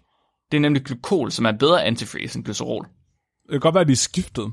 Jeg ved, på, i, okay. I, på det her tidspunkt har de brugt glycerol. Men du, jeg synes også, du snakker om DMSO sidste gang. Kan du ikke det? Jeg tror, de har brugt DMSO med glycerol i.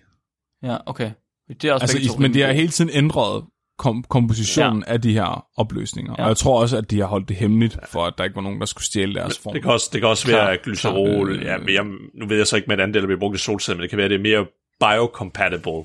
Altså, det ikke er lige så toksisk måske, hvis der er side Mhm. mm-hmm. bieffekter eller andet. Øh, Ja, Ja. højst sandsynligt. Ja, ja, højst sandsynligt. ja, fordi hvis de har brugt vand, så kunne det have alle mulige mm. problemer med osmosen og sådan noget også. Øh, ja. Desværre så øh, får Mike øh, lovgivningen imod sig, så han kan ikke fortsætte sine forsøg ved Adkår. Øh, den her oplevelse af at blive anholdt, og hele den her øh, oplevelse af at være i medierne på den her måde, altså at blive udskilt. Han var med ind og prøve at forsvare Adkår. Han var direktør, da Dora Kens hoved blev stjålet og alt det her. Øh, gjorde, at han fik PTSD, og simpelthen trådte af som direktør øh, af Adkår, efter retssagen var slut. Og øh, man blev alligevel ved Alcor i nogle år efter, indtil 1992, hvor hans mentor øh, og store øh, held, Jerry Leaf, døde, og øh, Mike var nødt til at skære hovedet af ham og det ned.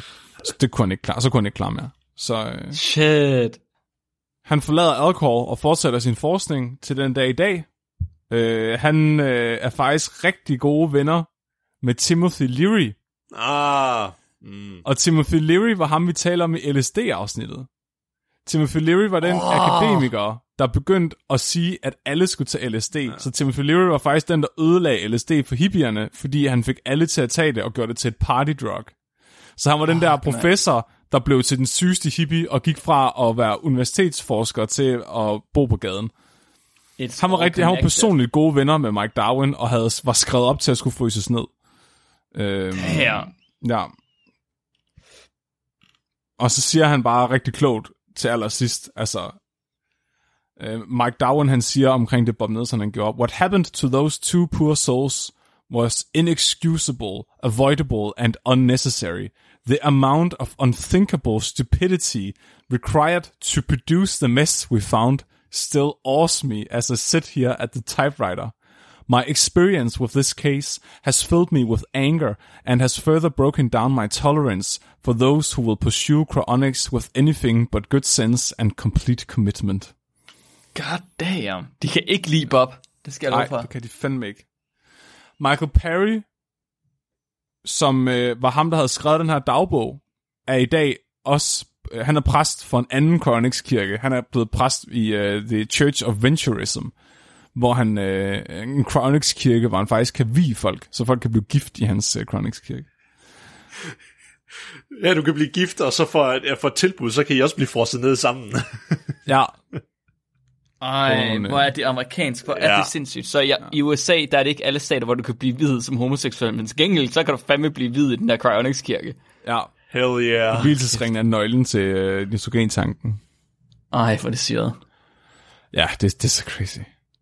Der er selvfølgelig, ja, øh, de har, han har også, øh, rygterne går på Mike Darwin, man ved, at Mike Darwin har været med til at fryse Ted Williams ned, som er sådan en baseball Hall of Fame øh, type. Okay. Men også måske været med til at fryse Walt Disney ned. Så der gik jo, oh, der er jo den der konspirationsteori om, at Walt Disney er blevet frosset ned. Øh, fordi, ja. Netop fordi, at der var en fra Disney, der ringede til Bob Nelson og spurgte Bob Nelson, hvor mange har du frosset ned? Du ved, bare, bare, bare hvad koster det, videre. Mm-hmm. Øh, men også fordi, da Walt Disney han døde, i den perioden op til hans død, var han meget, meget interesseret i Chronix, og talte rigtig meget om det. Og da han døde, var det under sådan ret mystiske omstændigheder, fordi han, der var ikke rigtig nogen, der så hans lig. Der blev ikke rigtig holdt nogen begravelse. Altså, der blev ikke holdt nogen stor begravelse. Det var bare lige hans aller, aller nærmest, nærmeste familie. Men han blev også kremeret så hurtigt efter han døde, at der ikke var nogen, der så hans lig. Okay. Øhm, så der er rigtig mange, der mener, at han er blevet frosset ned øh, cryogenic. Og så, hvis han er det, så, er han, så bliver han faktisk frosset ned nogle måneder før James Bedford, og er derfor den, den person, der blev frosset allerførst ned nogensinde.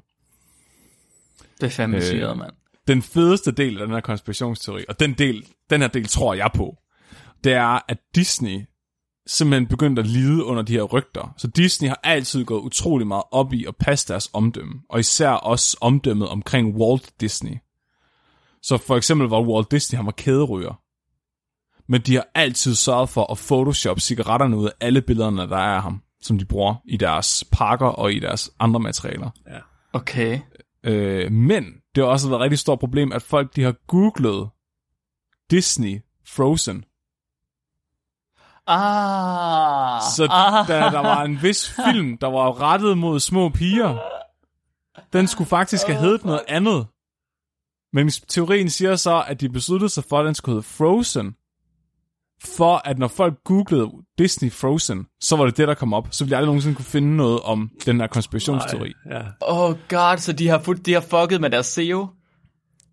Ja, For at ligesom øh, sørge for, at du ved, alle de der konspirationsteori-resultater, de røg helt ned i bunden, fordi der er så mange små piger, der har googlet Frozen. Og der er også en ting, der er ekstra for... Altså en af de ting, jeg stod over, kan huske, der, min datter, øh, var meget stor Frozen-fan lige da filmen udkom. Og jeg kan huske, en af de ting, jeg synes, der var sådan lidt morbidt og underligt, det var, hvordan at øh, Olafs hoved hele tiden falder af, eller bliver taget af i senere i filmen. Og de der plakater og forsiden af rigtig mange udgaver af DVD'en er også et billede af Olaf, der står og tager sit hoved af. Sådan så hvis du googler Frozen Remove Head eller et eller andet, så er det, så er det altså Olaf, der kommer op. Okay, den, den synes jeg er lidt langt ud, ja. fordi han er trods alt snemand, som, du ved... Altså, det er jo typisk erkendt, eller arketypisk erkendt som tre bolde oven på hinanden, ja. hvor man kan tage den ene af. Altså selvfølgelig... Den ved jeg ikke helt, om jeg holder på, Flemming. Den ved jeg ikke helt, om, om holder. Den holder, jeg, jeg, jeg holder i hvert fald på, at det er derfor, de har kaldt filmen Frozen. Jeg tror ikke, det er derfor. Okay, jeg kan godt leve med, at der måske er en i, i det creative team, når de skulle lave filmen, og det hele så animere det. Der er måske en, da han lavede de scener, at de så vidste godt sådan inde i dem selv, haha, det kan godt være en reference til konspirationsteorien med Walt Disney, men så tænkte de nok ikke mere i det. Sådan tror jeg mere, det måske har været. Nej, det kan også godt være. Okay, nu har vi snakket om cryonics i to afsnit. Vi har snakket om folk, der er blevet frosset ned. Vi har snakket om folk, der er blevet tøet op, uden at det var med vilje. Og vi ved, hvad der er sket med de folk, der er blevet tøet op. Fremtiden hjalp dem ikke lige frem. Det var ikke noget, man fik i fremtiden. Det gik galt med dem. Hvad med dem, der stadig er frosset ned, Flemming?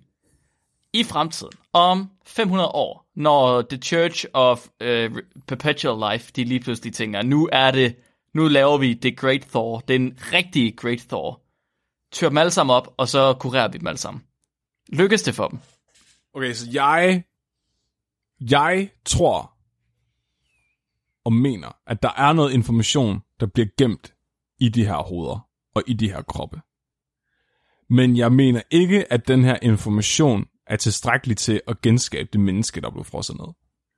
Så jeg tror, at en af de ting, jeg er meget i tvivl om, det er jo, altså, ja, du, du, du kan bevare vævet uden de store vævsskader.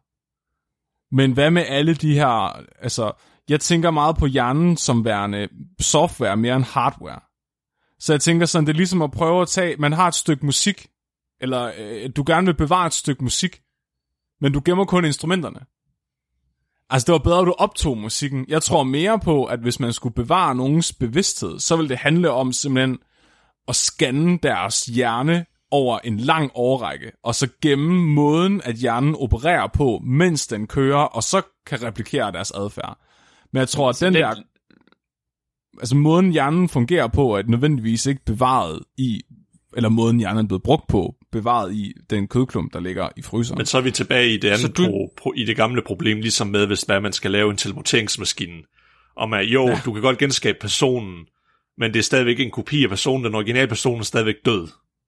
Ja, Sådan vil det så være Ja, hele du tiden når, jo. du, når, du, du når tilbage til vores afsnit om digital udødelighed, Ja. hvor vi snakkede om, hvordan Ja. det med at scanne hjernen, og om Ja. du overhovedet har personligheden med i selve hjernens fysik.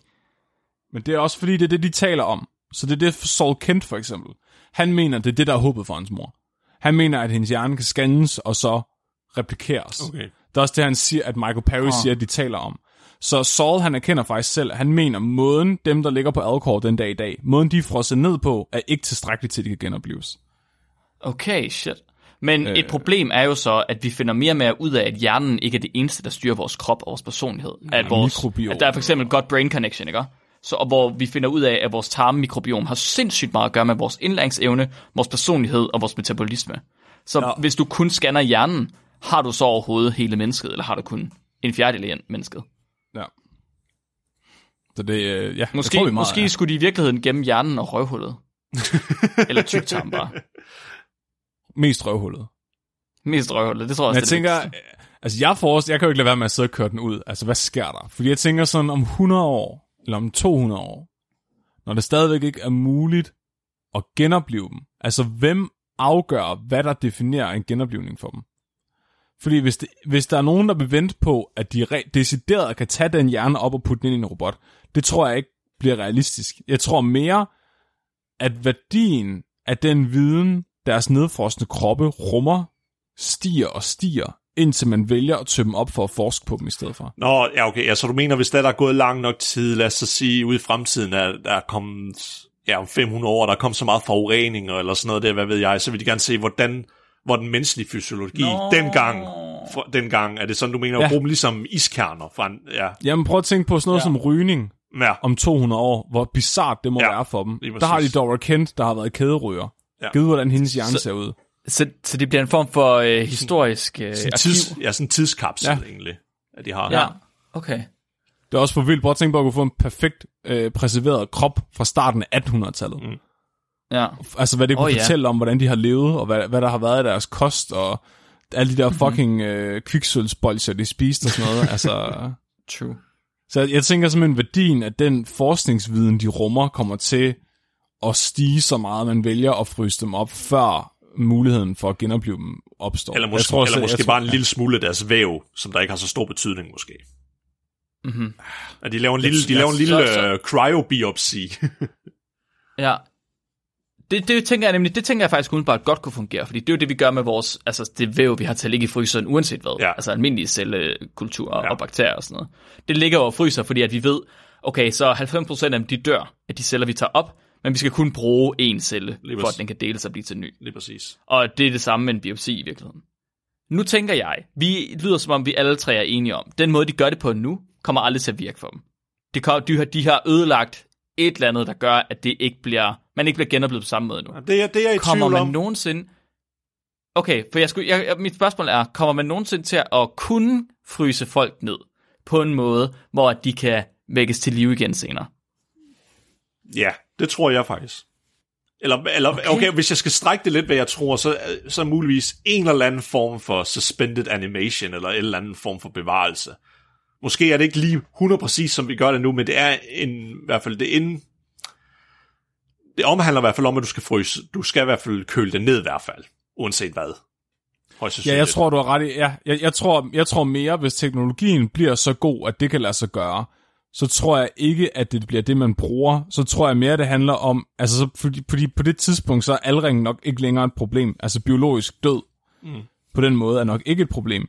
Så der vil det nok mere, som Nikolaj snakker om, handle om at blive kø, altså bare ligge og sove ved lav temperatur. Altså ikke ved frostgrader, men måske ved 4 grader eller et eller andet.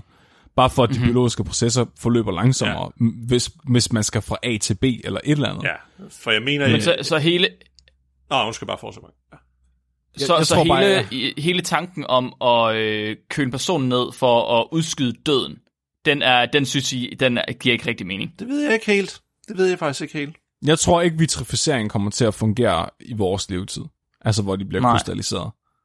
Jeg tror også, vi finder en måde at undgå biologisk død og undgå aldring på, før vi finder en, en vitrificeringsmetode, der fungerer for os. Ja, og så er interessen for det ikke stor nok længere jo. Nej, hvad skal man så med det? Ikke? Ja, altså så tror jeg, at de personer, der er frosset ned, de bliver brugt til forskning i stedet for. Der er jo heller ikke... Prøv at tænke på, om tre generationer, ikke?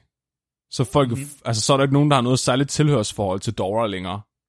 Nej. Altså, det er jo, det er jo altså, Nej, folk det, okay, gemmer det er engang, folk gemmer ikke, ja, Ja, hvem skal, hvem Folk skal gemmer jo ikke betale? engang fotografier af deres, af, af deres familie for tre generationer siden. De kigger på loftet og siger, nok, vide om det er, og så smider de dem ud. De ved ikke engang, hvad Det det har, hed. jeg, har aldrig nogensinde, det havde jeg overhovedet ikke tænkt om, men det har du fuldstændig ret i. Hvad fanden skal man med tip tip tip oldemor? Men sådan lidt, Ja, øh, okay, hvorfor skal hun vækkes til live igen? Altså, ja. Vi vil godt er give jeg 300.000 overhovedet dollars for at obducere hende. Fedt, mand. Så kan vi få en Tesla nummer 27. Eller, altså, Men jeg tænker også bare, fungerer det, fungerer det ikke sådan, så det hele tiden er familiemedlemmerne, der skal betale for, at de bliver ved med at ligge der og frosne? Ved Alcor, der betaler de jo 100.000 dollars for en nedfrysning indefinitely, men de løber jo tør. De 100.000 dollars, de slipper op på et Ja, men det er det, jeg mener. Så, Måden, og så må det ja. være familien, de kontakter igen og hører, vil I gerne forny øh, jeres abonnement? Nå, De, øh, så måden, de investerer pengene, og så er det det afkast, oh. investeringen giver, som de køber flydende nitrogen for. okay. Okay. Så pengene tjener penge til dem. Okay. Okay. okay, det er faktisk en smart måde at gøre det på. Det er Ja. faktisk en rimelig god måde at gøre det på. Ja. Så hvis de løber tør på penge, så slukker de. Fordi så er det jo et eller andet sted, så er det jo bare at, at sørge for, at folk de investerer nok til, at afkastet i gennemsnit, som er cirka 5% fra markedet, at det er nok til at betale for nitrogen Ja. over tid. Ja. Det er jo, det er jo ikke helt dumt lavet. Nej. Jeg ved det ikke. Jeg tror ikke. Jeg tror, jeg, jeg, tror, jeg holder med dig, Mark. Jeg tror, at teknologien til at, at få vitrificering til at virke på en hel menneskekrop eller et helt menneskehoved, den er, den er så langt ude, at at der kommer alt muligt andet, der er vildere før det. Det er bare det forskning, vi har haft indtil videre, der har snakket om vitrificering og om nedkøling af mennesker, har bare alt sammen sagt, mennesket er for stort et dyr til, at ja. vi kan køle det ned på en fornuftig måde. Altså uden at vi ødelægger ting. Men det er også, nu snakker vi om nedkøling, efter døden er indtræffet. Jeg Ja. tror, det er mere realistisk med nedkøling i et levende menneske og genoplivning igen. Ligesom man kunne se måske kunne gøre med en hamster eller en hund. Mm. Det Jamen at det, de okay, første- det har man jo i ja. virkeligheden allerede undersøgt også, men ikke på den måde, hvor man ligesom køler dem ned for at vække dem til liv igen. Men øh, vi snakkede om også på et tidspunkt øh, operationer, hvor man faktisk havde lavet samme trick som det, man gør, når man kø eller det, man har gjort, når man køler folk ned, ligesom du siger, Flemming. At man faktisk havde øh, fjernet blodet og pumpet en form for kølemiddel ind i stedet for, og så holdt den kolde, mens man laver operationen, fordi så kan man øge det vindue, man har til at operere på dem. Hvor man normalt ja. ved en hjerteoperation måske har et vindue på en time, så kan man øge vinduet til 5 eller 10 timer i stedet for. Ja. Ja. Altså mere det, jeg tror efter døden indtræffer, fordi de siger jo, vi har de der 5 minutter. Jeg tror i fremtiden, at det vindue, det kommer til at blive ekspanderet, jo mere vi kommer til at kende om hjernen. Fordi igen, det er jo det, der er begrænset nu. Vi aner ikke særlig meget om hjernen. Hmm. Og det kan måske være om 200, og 200 år, så tror jeg faktisk, det vindue måske er flyttet endnu mere til. Så kan det være, at vi måske op til et kvarter til en halv time, og så kan det være, at de så tænker, at dem, der er frosne ned, jamen de er faktisk inden for et vindue, hvor vi måske godt kan bringe den tilbage egentlig. Men de har ikke nogen krop, jo. Ja, altså, hvis det er, hvis det er, du er en deres sjæl? Men hvis der er du er en situation, hvor du har, hvor lad os sige, at kulturen eller ja, verden har opnået biolog, eller en form for biologisk udødelighed, så tror jeg ikke, det er det store problem at, at give dem en ny krop. Så burde det, Der så burde de det, være, det burde være op. Der er- relativt der- nemt. Der er så meget nogen, der har tøet mig op på det tidspunkt, der skåret i dem. Nogle Det tror jeg også.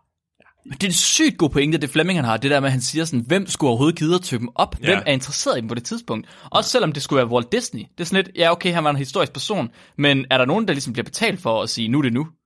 Hvem, hvem, hvem, skulle, hvem skulle ligesom tage det job? Og så er man sådan lidt, så har man i det skjulte, har man sådan nogen til at være ansat hele tiden til at sådan, du skal være klar til, at når vi siger det nu, så er det nu.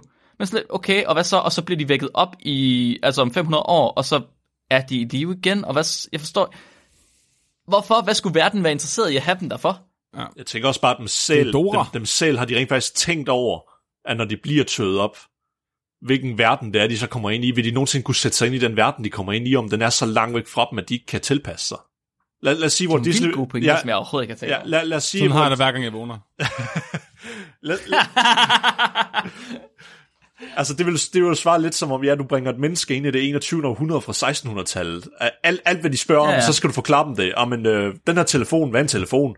Jamen, den får sine øh, radiobølger. Hvad fanden er radiobølger? Altså, de, hele verden fundamentalt er, er fuldstændig ny for dem. Kan de rent faktisk fedt ind i den Okay. verden? Okay, sci-fi idé her. Ja. Hvad nu, hvis det var sådan, at man på et tidspunkt ikke længere kan få børn, fordi vores fertilitet den er faldet så meget, at det er sådan, fuck, okay, vi har ikke mere. Så det eneste, man har tilbage, det er nedfrostede mennesker fra det 20. århundrede, eller det 21. århundrede, hvor man så har sådan nogle øh, optynings øh, ritualer, hvor man tør måske 10 eller 15 personer op, og så skal de gå i klasse sammen, hvor de skal lære, hvordan man lever i den tid, man bliver frostet, altså tøet op i. Og du har lige kombineret Hvor de så har sådan, de har, de har, ja, de har halvandet år, hvor de bliver undervist i sådan, okay, det her, det er vores bip sup sap sip sup, som man ja. bruger til at køre bil med nu i Det derovre, det er grobslurpen. Den kravler vi ned Ja. i, når vi er trætte af at være individ.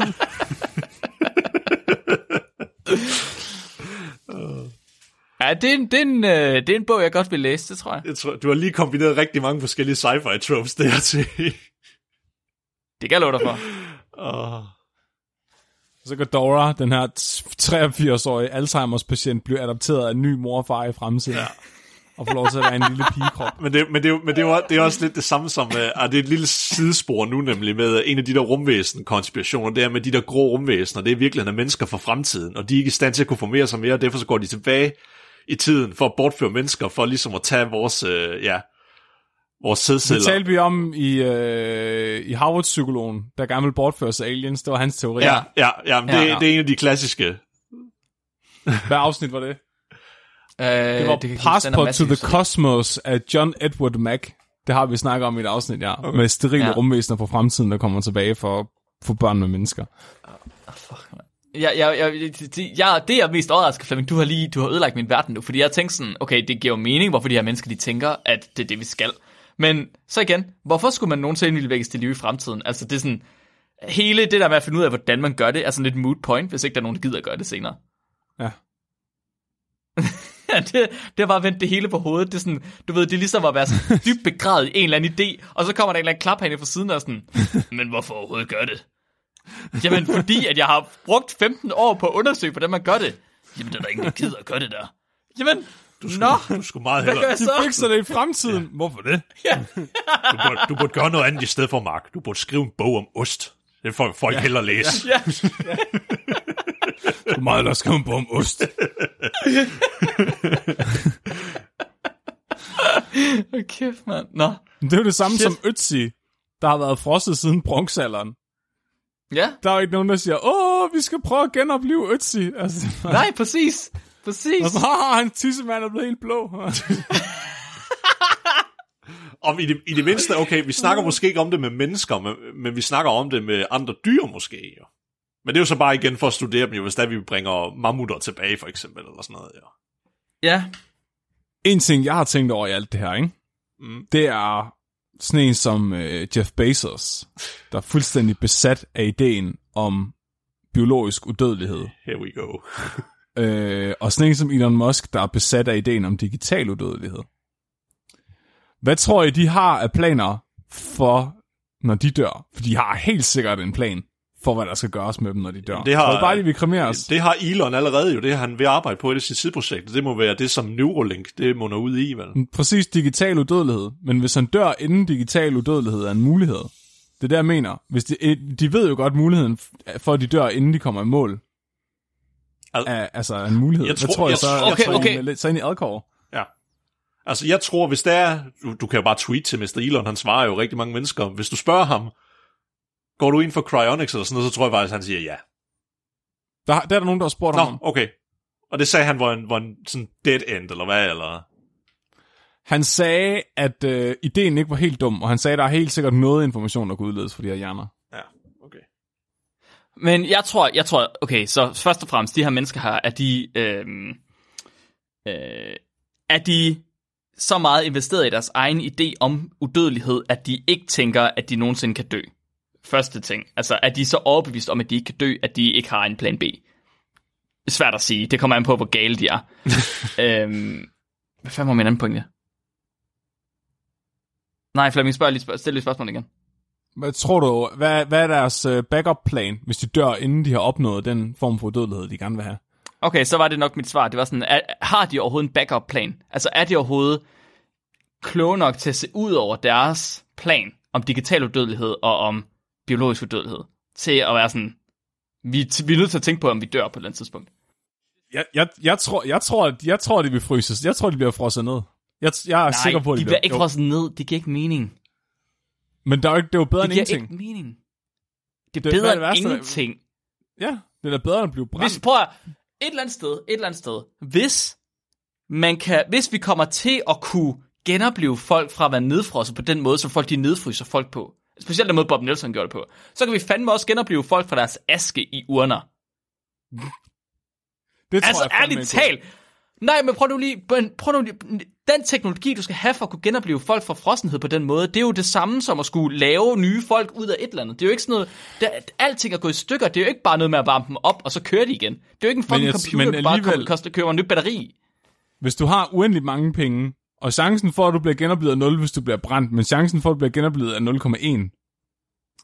Hvis Men chancen, cha- det er ikke sådan, det er. Det er ikke sådan, det er, så, så, så stor er sandsynligheden Det er jo, ikke, og du, bliver du vinder bare aldrig allerede, hvis du ikke spiller det jo. Men, men det giver ikke mening. Du kan ikke blive genoplevet på den måde. Det er, jo, det er jo den måde, de tænker på, at du bliver varmet op på igen. Det, kan- den er jo... Jeg tænker, at den ikke giver mening overhovedet. Fordi det kan godt være, at du kan få cellerne til at fungere igen, men du får ikke samspillet med cellerne til at fungere på den måde. Og du kan ikke bare... Det, det, det, vi, det er en forsimplet måde at tænke på hjernen på. Det, det er at tænke på den som en computer, og hjernen er altså ikke en computer. Hjernen er altså hjernen. Du kan ikke bare Så tænde for en knap, hvad og så du, igen. øh, Elon Musk og Jeff Bezos vil have, der skal ske med deres øh, kroppe, når de går bort? Jeg tror, de går 100% ind på... Jeg tror ikke, de går ind på at gå bort. De går 100% ind på at undgå at gå bort.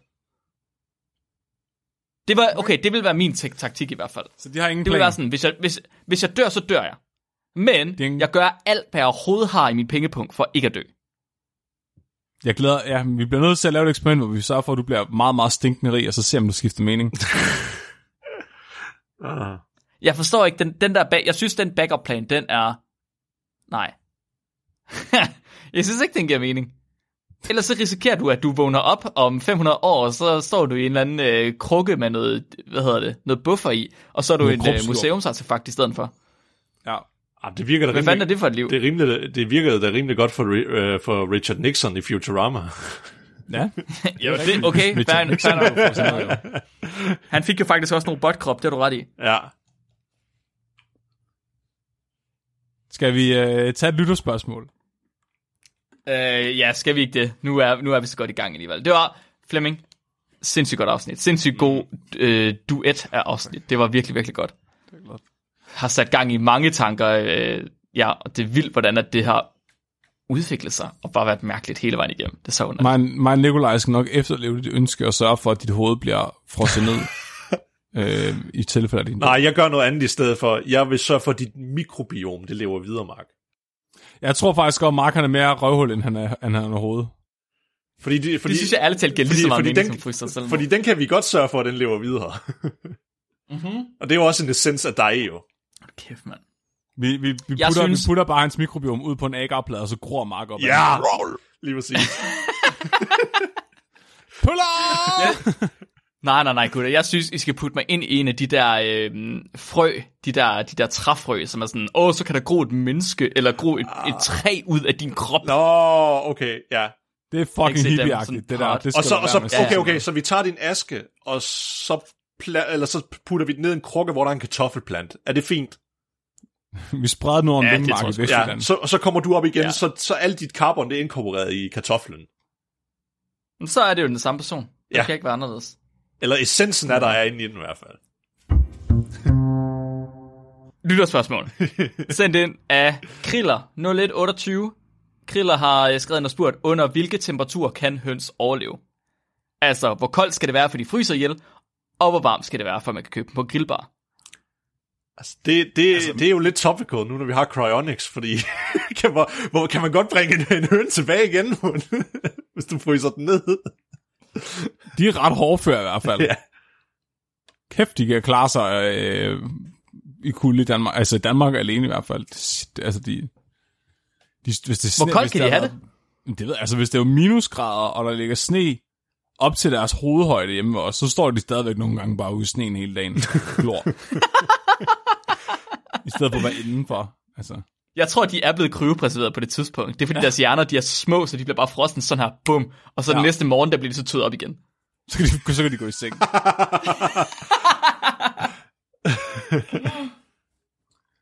det er et godt spørgsmål. Altså, jeg tænker Om jo, temperaturen, at, på en, temperaturen for, at de kommer ind på grillbar, den er rimelig nem. Det er 200 grader i 45 minutter.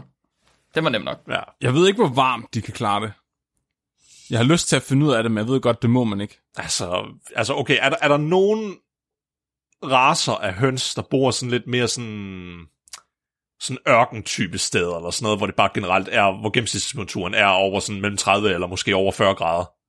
Det må der være højst sandsynligt. Så øh, det kan jeg jo svare på, fordi jeg er i Singapore lige nu. Ah. Og høns, er oprindeligt, høns kommer oprindeligt fra Asien, hvor de er afstammer fra øh, den røde junglefugl. Og den ja. røde junglefugl, den er øh, asiatisk, en blanding af Kina og Thailand og Vietnam og alt sådan noget. Og det betyder, at man faktisk, når man går ture herude, ude i skoven, så er der øh, haner over det hele. Nice. Og det er ikke bare sådan, det er ikke sådan, at de ser, de ser sådan mærkelige ud. Det er haner, som vi tegner haner. Haner som den karikatur, vi har af haner. Det er sådan, de ser ud her. Det er ægte De høns. er overalt. Og hvor, Ja, de er varmt, ægte Stamfar høns, og de høns. går bare vildt. og hvor varmt er de der bare cirka rundt sådan om sommeren der? Der er ikke sommer, der er, øh, der er ingen øh, årstider, så det er altid et sted mellem 27 og 35-36 grader. Fuck, Okay. underligt. Ja. Det skal de lade Der er være ingen årstider. Det er nederen. Det er super mærkeligt. Ja, der Mega er også bare, høns er også bare en af de mest udbredte landbrugsdyr, der findes. Altså, der er jo fandme Ja. alle steder, du kan komme nærmest, der er der høns. Måske lige bortset ja. fra Antarktis, men det kunne vi jo lave om på, hvis vi kommer op og får et forskerhul. Er en pingvin ikke bare en, hø- en høne? Det er en god Hvad? pointe, det vil jeg faktisk sige, ja. Det er en høne i et jakkesæt. Det er det, der. ja. En, en pingvin er en formel høne. ja, det er en gallerhøn. Det er en formel høne, ja. Og en, og en strus er jo bare en lang høne i Afrika. Der er også pænt varmt. Så jeg vil sige, mit svar det er det hele. Mit, mit svar er, at høns de kan overleve det hele. Og alle temperaturer. Okay. Dem alle Ja, okay, sammen. nej, lad os sige, alle temperaturer, vi har på jordkloden. Ja. Der findes også vulkanhøns. Ja. Absolut. Termiske Absolut. øh, Thermophilus hønsulus. De er også ude i rummet, hvilket jeg synes er smukt. Ja. Så øh, alle temperaturer, og øh, hvis man så lige går 2 grader over eller 2 grader under, så bliver de dybfrostne eller øh, til grillkyllinger. Bum. De Måske er var meget det det, vi skulle... inden for deres.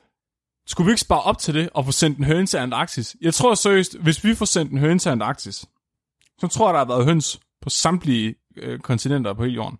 Eller Fuck, det verdensdel. Plus Okay, så rummet. vi har, to, vi har to ting, vi skal på Antarktis. Vi skal have et forskerhul, og vi skal have en høne. Jeg synes, vi kan kombinere de to. Ja.